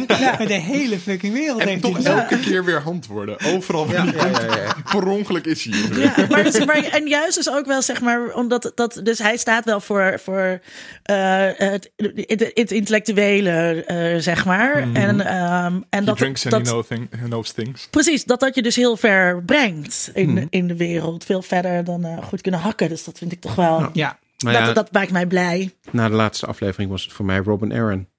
ja. Ja. Maar, hè, de, de, smooth boy. Ja, de, de, de Neville Longbottom van eh, Game of Ik wou Thrones. zeggen, die is ver gekomen sinds de borsten van zijn moeder. eh, Ja. sinds hij daar aan hing. Ja, dat was even. Dat was, Dat was even heel, schrikken. heel erg leuk. De, de, de- nou ja, dat was natuurlijk een heel naar eh, jongetje die er ook heel raar uitzag eh, al die seizoenen. En Ja. opeens in die laatste scène is dat echt zo de hunk, Hey, die, hallo. de mooiste man die daar op dat podium zit. Eh, ook allemaal hele leuke reacties op Twitter meteen van, Ja. hè? Hè? Hoe kan dit? Ja, zeker weten. ja. Ja. Ja, En de, maar die, een aantal throwbacks waren ook wel, ja, toch ook wel wat je hoopt en wat je, wat, wat je misschien ook wel verdient hebt op dat moment. Eh zo, zo, Zo'n drinking game waar Brienne dan eh, Ja, een ja. hele vervelende. Ja, dat was leuk. Dat, ja, dat heeft wel I iets once brought a jackass and a honeycomb into a brothel. geweldig. Wat Ja, is nou het einde van dat verhaal? Dat, dat komt eerder in de serie voor, dat doet Ja, hij al twee zeker. keer. Oh, Ja, oké, het, begint, ja. het begint bij Lysa Aaron in haar koord, dat hij dat verhaal vertelt en afgekapt wordt. Want dan staat hij, heeft hij net over een, is net klaargekomen over een schildpad eh, Oh, ja. of zoiets. Nee, En dan- dan I komt dit milked verhaal. my eel. Ja, ja, dit is, eh, volgens mij zit hij ook in seizoen 6 op een gegeven moment met eh, Miss Sunday en Grey Worm. Begint hij dat Ja, verhaal. we gaan ze een mop En we, vertellen. we zullen nooit Ja. de, de clue van deze mop horen. En een paar van die dingen mag je ook doen, moet je ook doen. Nou, Je bent eigenlijk geen knip voor je neus waard als je dat niet doet. Nee, maar eh, nee, dat, wat, ik, wat, ik, wel- wat ik wel jammer vond, is dat eh, sommige karakters. eh, Niet nu in één keer gaan bitchen, hè, Sydney. Nee, nee, nee. nee nou, er er is genoeg te bitchen. Maar de- de- dat sommige karakters ehm, er aan het einde nog waren. Dus dat sommige karakters het overleefden. Terwijl Mhm. sommige karakters, wat mij betreft, hadden moeten sterven. Of Ja. al eerder hadden moeten sterven. Wie had er nog meer doodgemoeten? Ja, eigenlijk een heleboel. Want ik Ja. denk dat een heleboel. ehm, Sidney, pak zijn in de, er even nou, bij. Nee, nee, nee, dat niet. Maar in de, in de, in de, in de Battle of Winterfell, de Long Night. Als daar eh, een aantal karakters dood waren, was gegaan. Bijvoorbeeld Jamie. Ja, eh, prima. en Hmm. vervolgens tot leven was gewekt door de Night King. Ja, dat en we ook een wel scène verwacht. hadden Ja. gezien waarin Jamie Ik tot leven wordt gewekt. op en met de Night King vervolgens erop. Brienne met zijn gedwongen eigen wordt fucking zwaard. om hem met Ja. zijn eigen zwaard eh, eh, om het leven te brengen. Kijk, dat zijn wel dingen waarvan ik denk. Dat, dat, dat, is, dat is wel een beetje fanservice dat je dat niet doet. Want dat had gewoon gekund. Eh, En dat was een pijnlijk en- moment en geweest, maar het, was wel goed geweest. Ja. Voor in de Ja, serie. en, en je zet er tegenover een, een, een aflevering waarin je toch scène op scène. Ste- weet je, het is een beetje alsof iemand zit vals te spelen met de watersnoodramp. Dat elke keer dat je het volgende scène ziet, Ja. dat het water dan weer teruggetrokken Ja, is. ja. Weet je Ja, wel? dat, dat zei ik ook al in onze terug ze een paar weken terug. Ja. Shit has hit the fan, weet je wel. Are in the building. Iedereen hoort nu dood te zijn en ik zit te kijken naar een scène in een bibliotheek. Wat de fuck is er aan de hand? En aan het einde van de rit is alleen Ed dood. Nou, joepie. Ja, En Jorah. En Jorah. ja. Vergeet Jorah. Vergeet. Jorah. Die stierf ook weinig glorieus. Ja, Ja. en, en, en, en eh, eh, Lady, Oh, mag Mor- nog Lady even- Mormont. Mag Ja, nog even trouwens. Hoe gross eigenlijk is Jorah, die dus gewoon de hele tijd alleen maar op Daenerys heeft zitten geilen. Ja, en Daenerys die daar toch wel vrede mee heeft aan het einde van He loved me. Ja, wat best wel weird. Ja, Ja, maar dat was toch ook al, het was toch ook al echt drie seizoenen niet meer gross. Ik bedoel, hij was niet eens in de buurt voor het grootste gedeelte van het verhaal. Ja, Daarna ook. had hij een of andere rare STD. Moest hij helemaal naar de andere kant van de wereld. Waar dat verhaal verder op sloeg. Je ne sais Dat pas. had voor mij, wat, wat mij wat betreft, ook veel eerder geeft, we niet nodig hadden. Ja, ja. Ja, ja, ja. Dat- niks dat- te zoeken in het noorden. Nee. Nee, maar dat zijn steeds van die vragen. Weet je, kijk, je je bouwt een hele verhaallijn. Iemand gaat naar een ander eind van de wereld. En je bent dat helemaal. Oké, nou, dan gaat hij dus naar daar. En dan gebeurt er dit. Dan moeten ze samen wel hier achter komen. Een van de grootste teleurstellingen vond ik dan uiteindelijk dat dat laatste. De, zeg maar, schijnbaar is een van de grootste laatste verrassingen die George nog had voor ons was Hodor. Mhm. En dat vond ik oprecht ook, zeg maar, aflevering 9 van dat seizoen was ook nog steeds best wel cool met de Battle of the Bastards. Maar die aflevering was gewoon verreweg de beste aflevering. Zeg maar, Daarna is het nooit meer beter geworden. Spijt me, maar gewoon echt zo'n goede aflevering. Ja, vond fantastisch. Maar dat was zo'n laatste snippet Oh, aan informatie die ze nog hadden. Van nou, hier moet je iets mee. Eh, want het zegt iets over Bran, hoe belangrijk die is. Eh, misschien dat die Mad King wel met heeft gemaakt, weet jij veel. En daarna was nog, dat andere snippet was hè, de ouders van John. Daar moesten we wat mee. En nu is het eigenlijk alleen maar gebruikt om een wicht te drijven tussen Danny en John. En heeft het verder helemaal geen effect gehad in de hele wereld. Ook niet, oh, desondanks Ja. het feit dat Ferris een hele fucking kettingbrief heeft lopen sturen aan iedereen. Ja. Heeft het geen impact gehad. Ja, de vraag is inderdaad, weet, weet Westeros dat hij eigenlijk eh Aegon Targaryen is? Ja, Varys heeft dat Eh, eruit gegooid. Ja. Ja, daar lijkt het op, maar niemand refereert daar meer aan. Niemand zegt daar meer Ik vond iets het heel over. raar dat, dat tijdens die, laat, die, die, die sessie dat ze de koning gingen kiezen. Mhm. eh, heel raar dat niemand zei van, oh, we hebben nog, we hebben nog, Ja. we hebben, we hebben een reserve dude Ja. die in het gevangen zit hè, en die Ja. die rare massamoordenaar heeft vermoord, die... eh, Ja, ja, en, denkt en, niemand aan. En de laatste keer dat er zo'n massa-e-mail uitging, was toen Stannis zei: Joffrey is niet de zoon. Ja, Ja, Ja. en dat, dat kwam En wel dat- terug. nou, dat iedereen nog- de hele tijd daarna ja. zei van... Dat maakte Hey, wel eh, uit. Daar is ja. nog wel een keer op teruggekomen. Dat, dat, dat zijn van die. En een ander ding in dit seizoen dat ik ook helemaal niet begreep. Is dat we dus dat eh, hele verhaal hebben gehad met eh, Theon, die Reek is geworden. En toen ging Yara hem proberen te redden. En uiteindelijk, nou, dan is die wel vette scène dat hij zo op die boot wordt aangevallen door Euron. Dat hij zegt, tabé, het water in. En, en daarna komt hij een soort van, oké, ik ben een Stark, ik ben ook een Greyjoy, dus ik ga toch mijn zus redden. En in de eerste aflevering, chip chip, hey, je bent gered. Wat ga je doen? Ik ga naar het eiland, doei, ciao.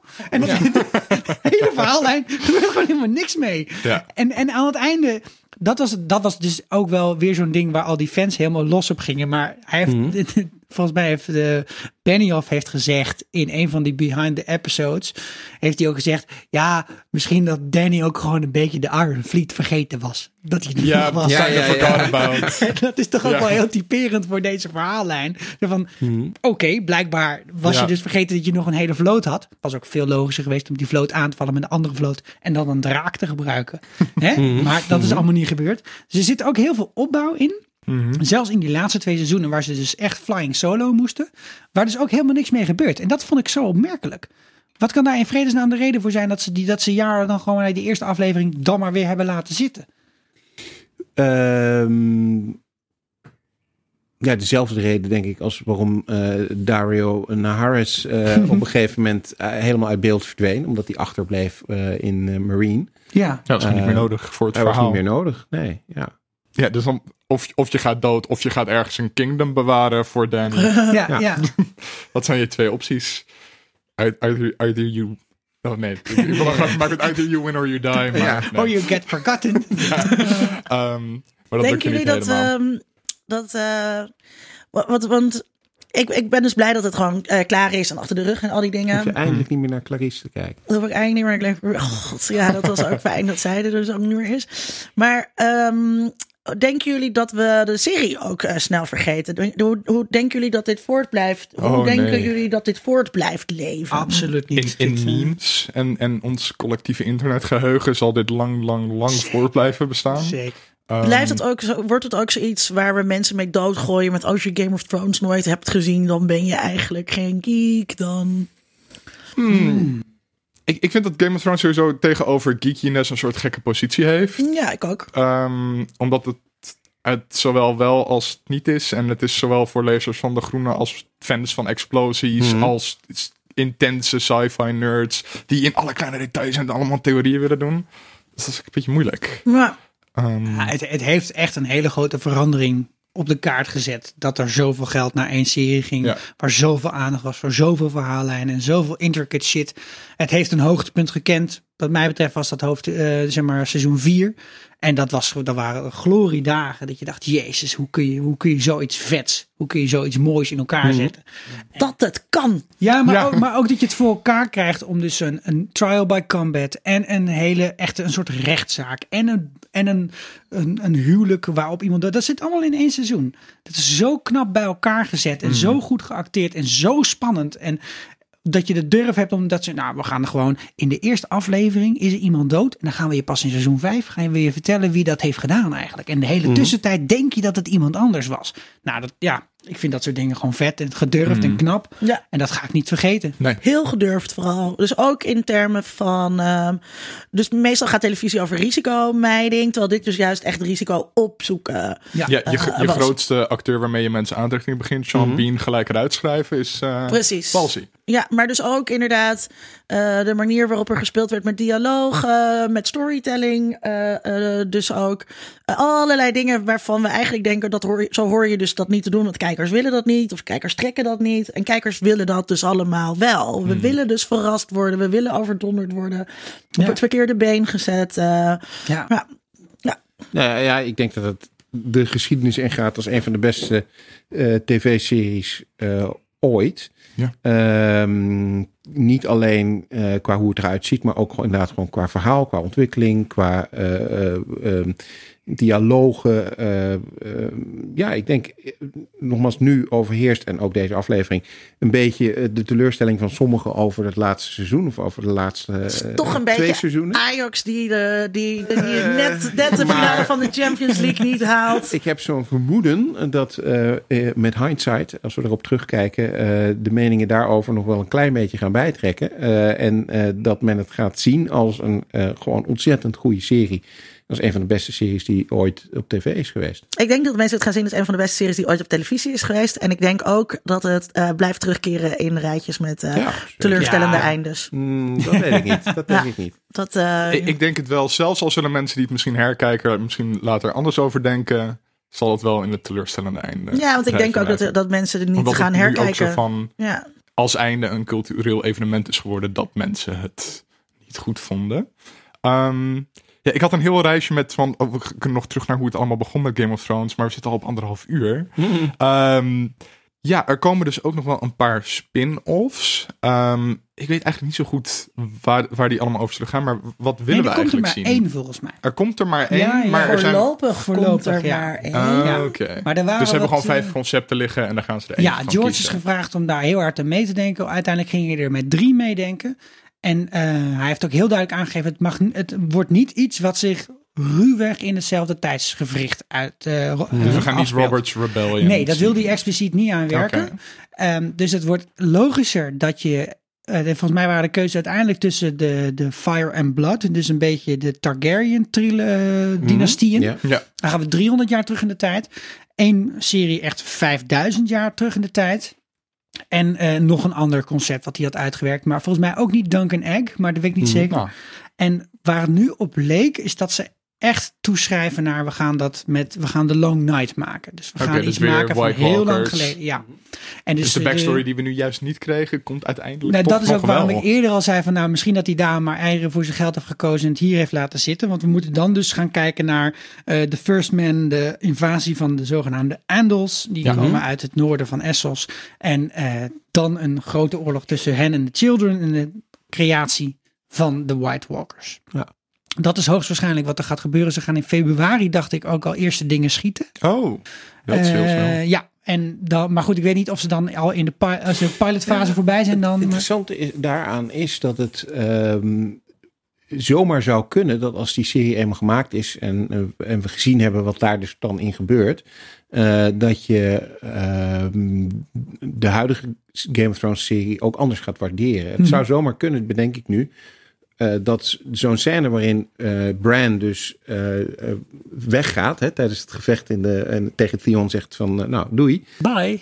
dat die dat zou zomaar in die serie terug kunnen komen. Dat je erachter komt van, oh, daar is hij dus geweest. Ja, ja, ja. En zo zit het. ja. Ja, maar dat voelt dan toch wel een beetje als J.K. Rowling die achteraf Ja, zegt, ja, Dumbledore nee, was dat- toch, was toch Ja. homo. Ja, Ja. maar dat, het zou me niks verbazen, omdat eh, toch, eh, dat vind ik echt, nou ja, er zijn er meer, maar dat vind ik echt nog steeds een moment waarvan ik denk, ja, ik snap dit gewoon echt niet. Waar gaat hij heen? Dat, en omdat ze al met deze serie bezig zijn, zou het me niks verbazen als dat misschien wel, als er misschien wel dingen in dit seizoen zijn geplukt, zeg maar, Ja. die in dit die nieuwe serie moeten gaan komen. Ja. Dat is een soort van cliffhangertjes en teasertjes. En, Ja, nou, en, en wat je ook krijgt als je het hebt over achter, achteraf dan weer meer waarderen, is dat je ook wel meer begrip gaat krijgen. Of dat je meer gaat voelen hoe het verval van sommige huizen dan Mm, ook daadwerkelijk is geweest. En waarom die Starks dan zo belangrijk waren. Hè. Mm. We hebben ook allerlei dingen gemist aan opportunities met dingen in cryptus. En eh, de hot springs onder Winterfell en de reeds, zoals je inderdaad al goed Mm. eh, terecht opmerkt. Misschien krijg je die allemaal wel in die serie. En ik zie daar wel wat in. Ja, Ik heb ook ho- ook. grote hoop gehad van wat er dan. Hè, ze hebben natuurlijk in het tweede seizoen iets gevonden bij de Fist of the First Man. Eh, is ook in het boek een belangrijk onderwerp. Eh, Ja. Daar hebben ze die Dragonglass gevonden en vinden ze ook een hoorn waar ze in de serie niks meer mee doen. Dat is een beetje de pramtoeter. Ja. Maar misschien dat ze daar in deze. Hè, dat we erachter gaan komen wat die dingen allemaal Er zijn, er betekenen. zijn meer magische horens in de, in de boeken. Hè? Zeker, ja. ja, Ja, ja. ja. Het, het- het- het is één groot orkest. Is Ja. In a world. World. World. World. In a world. Ja, zoals altijd sluiten we af met een vooruitblik van eh, dingen waar we naar uitkijken eh, de aankomende tijd. Linda, heb jij iets? Ik eh, zie de toekomst zonder Game of Thrones eh, zo somber in. Ah. ik was de afgelopen tijd eh, natuurlijk heel erg bezig met abortus. En ehm, hoe het, de toegang tot abortus in één keer niet alleen in dat verre Amerika op losse schroeven staat, maar ook in ons eigen land bedreigd wordt. Ehm, en de vergelijking met de Handmaid's Tale waren natuurlijk meteen eh, overal te vinden. En terecht.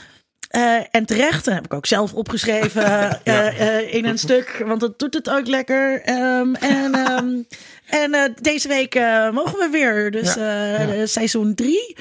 Ehm, ik ben heel benieuwd. Mogen het beter zijn dan de tweede? Mogen het beter zijn dan de tweede? Want de tweede was ook, mhm. was ook onbevredigend. Dus ik hoop dat ze, dat ze betere keuzes gaan maken. Ja, of, ik ben heel benieuwd wat we, wat we te zien gaan krijgen. En hoe dit verhaal zich gaat ontwikkelen.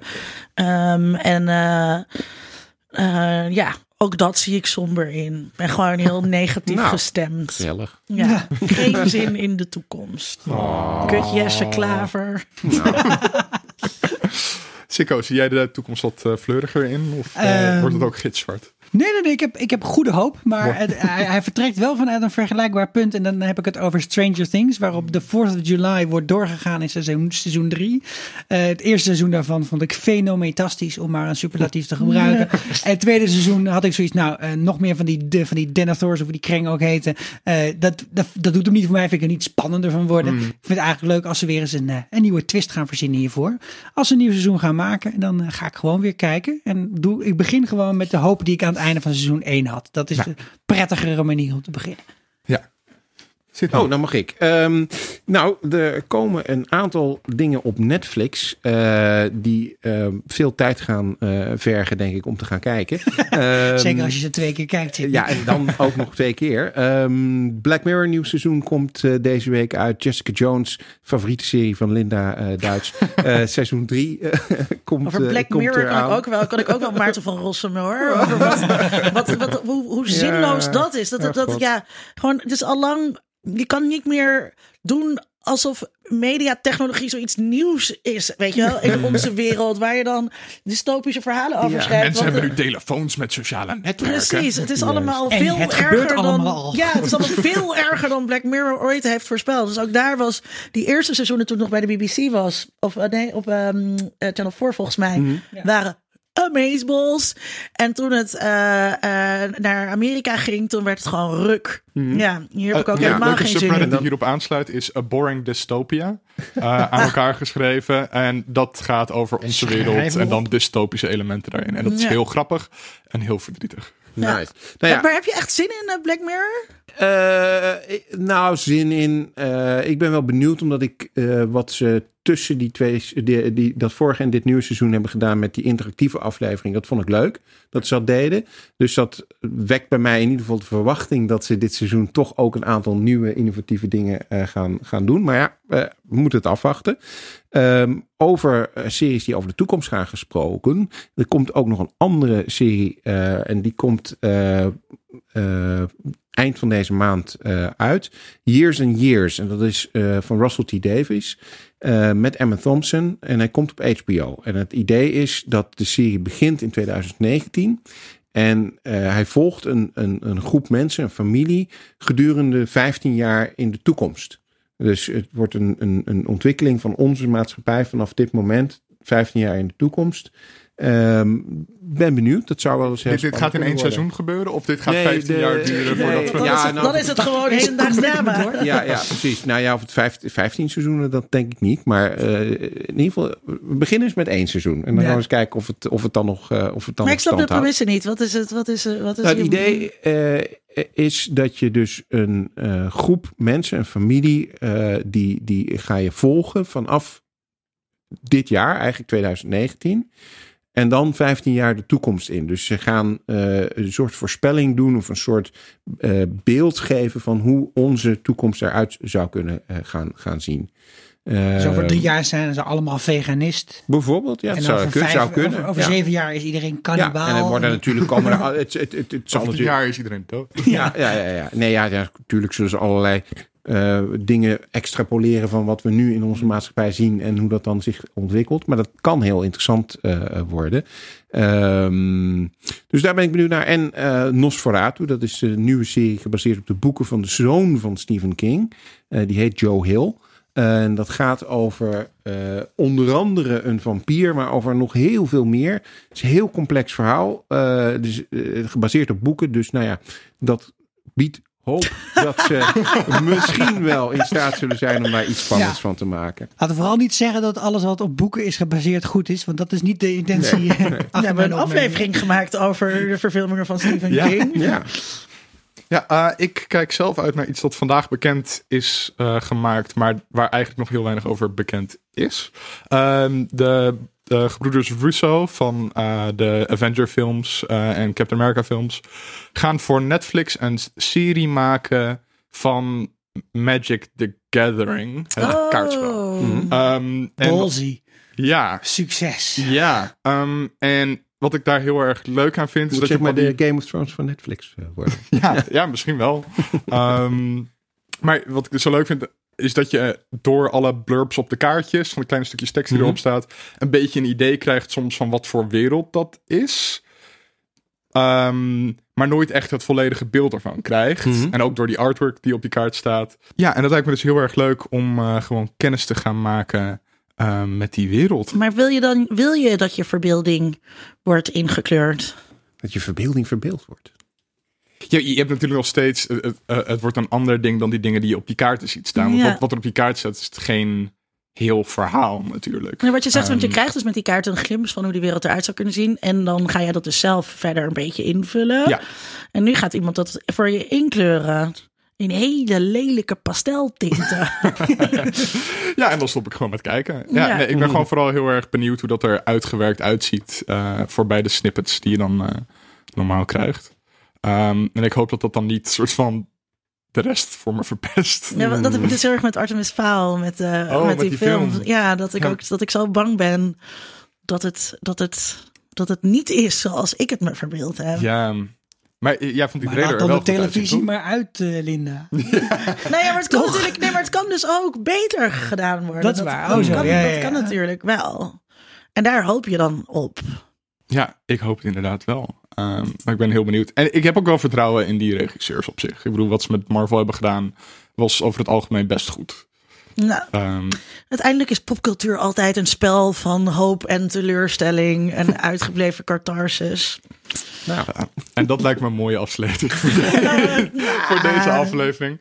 Dit was aflevering 33 van Geeky Dingen. Vond je deze aflevering nou leuk? Nee, we vergeten nog Nee. wat. Wat dan? Moeten we niet nog promotie maken voor het Tech Podcast Ja, Festival? dat, dat heb ik hier, hier Oh, staan. dat ga ga je ik nu doen. Dat, dat Gaat komt nu doen? Oké, oké, oké. Nou, dan kan ik het net zo goed nu doen. Ja, want op 22 juni staan wij dus op het Tech Podcast Festival in de Bali. Ehm, met een hele berg andere mensen. En Maarten van Rossum. Maarten van Rossum. Komt Linda ook? Eh, en die hoor je hier. Eindelijk is het weer zover. Het jaarlijkse Tech Podcast Festival komt eraan. En we zijn aangekomen bij versie 2.0. Want op zaterdag 22 juni kun je live in de Bali in Amsterdam komen kijken naar vijf van jouw favoriete podcasts. En dat belooft een gezellige dag te worden, want er is plek voor 200 man, een bar in de zaal en een programma vol fantastische live-opnames. En al dat moois wordt mede mogelijk gemaakt door TransIP. Natuurlijk is met Nerds om tafel van de partij, maar weet je wie er ook zijn? Amsterdam, bier en podcast nerds, dat lijkt ons een ideale combinatie. Als Neder-België kunnen we uiteraard niet ontbreken op het tweede Tech Podcast Festival. Tech45 is er zeker bij. Hallo, ik ben Tom Aalmoes. En ik ben Linda Duits. En samen met Sydney Smeets komen wij op het Tech Podcast Festival praten over nerds in de popcultuur. Want wij zijn geeky dingen. Hoi, ik ben Wout van Tweakers. En waar we vorig jaar alleen host waren en niet meededen, zijn we dit jaar met de Tweakers podcast ook van de partij. Met de vertrouwde highlights en een deep dive in een actueel tech-onderwerp. Ja, en op een Tech Podcast Festival horen natuurlijk TechSnacks. Ook wij, Maarten van Woerkom en Raymond Mens, zijn met de TechSnacks podcast weer van de partij. En jij toch ook? Ga nu snel naar www.debali.nl en bemachtig daar je kaarten voor deze nu al legendarische dag. www.debali.nl Tot dan! Ja, dat wordt dus superleuk. Eh wees erbij, koop er kaartjes voor, die zijn er nog. Dan kan Eh, je zien hoe ik stomend naar Sydney kijk. En hoe Sydney defensieve houdingen aanneemt. Terwijl die zegt Ja. dat het niet zo is. Nee. Allemaal live voor je ogen, Nooit. super spannend. Ja, Ehm, en ook heel leuk dat je al die andere mensen kan gaan zien natuurlijk. En achteraf waarschijnlijk wel een biertje kan doen met ons. eh. Ehm, dus daar heb ik heel veel zin in. wij zijn om drie uur, dus daarna is het Ja. bierdrinktijd. Ja, heel mooi getimed. Eh, vond je deze aflevering nou leuk? Waar ik net aan begon, Linda. Sorry, sorry Tom, sorry Tom. Ehm, laat dan een recensie achter op iTunes. Zolang op, op het nog kan. Facebook. Voor, voor, zolang het nog kan. Ja, iTunes. Er is een leak geweest. Ja, Oh, Nee, nee, ja, nee, iTunes- nee. nee, nee, maar nou, Ja. dan, dan stopt iTunes met bestaan, maar dan komt er een aparte podcast-app. En daar kan je natuurlijk hetzelfde in doen. Dus ook in die nieuwe podcast-app, laat, laat vooral een recensie Als je achter. terugluistert in 2024. Like je skijkie. En eh, like ons ook op Facebook. eh, volg ons op Twitter. Volg ons allemaal op Instagram. Ehm, tot de volgende keer.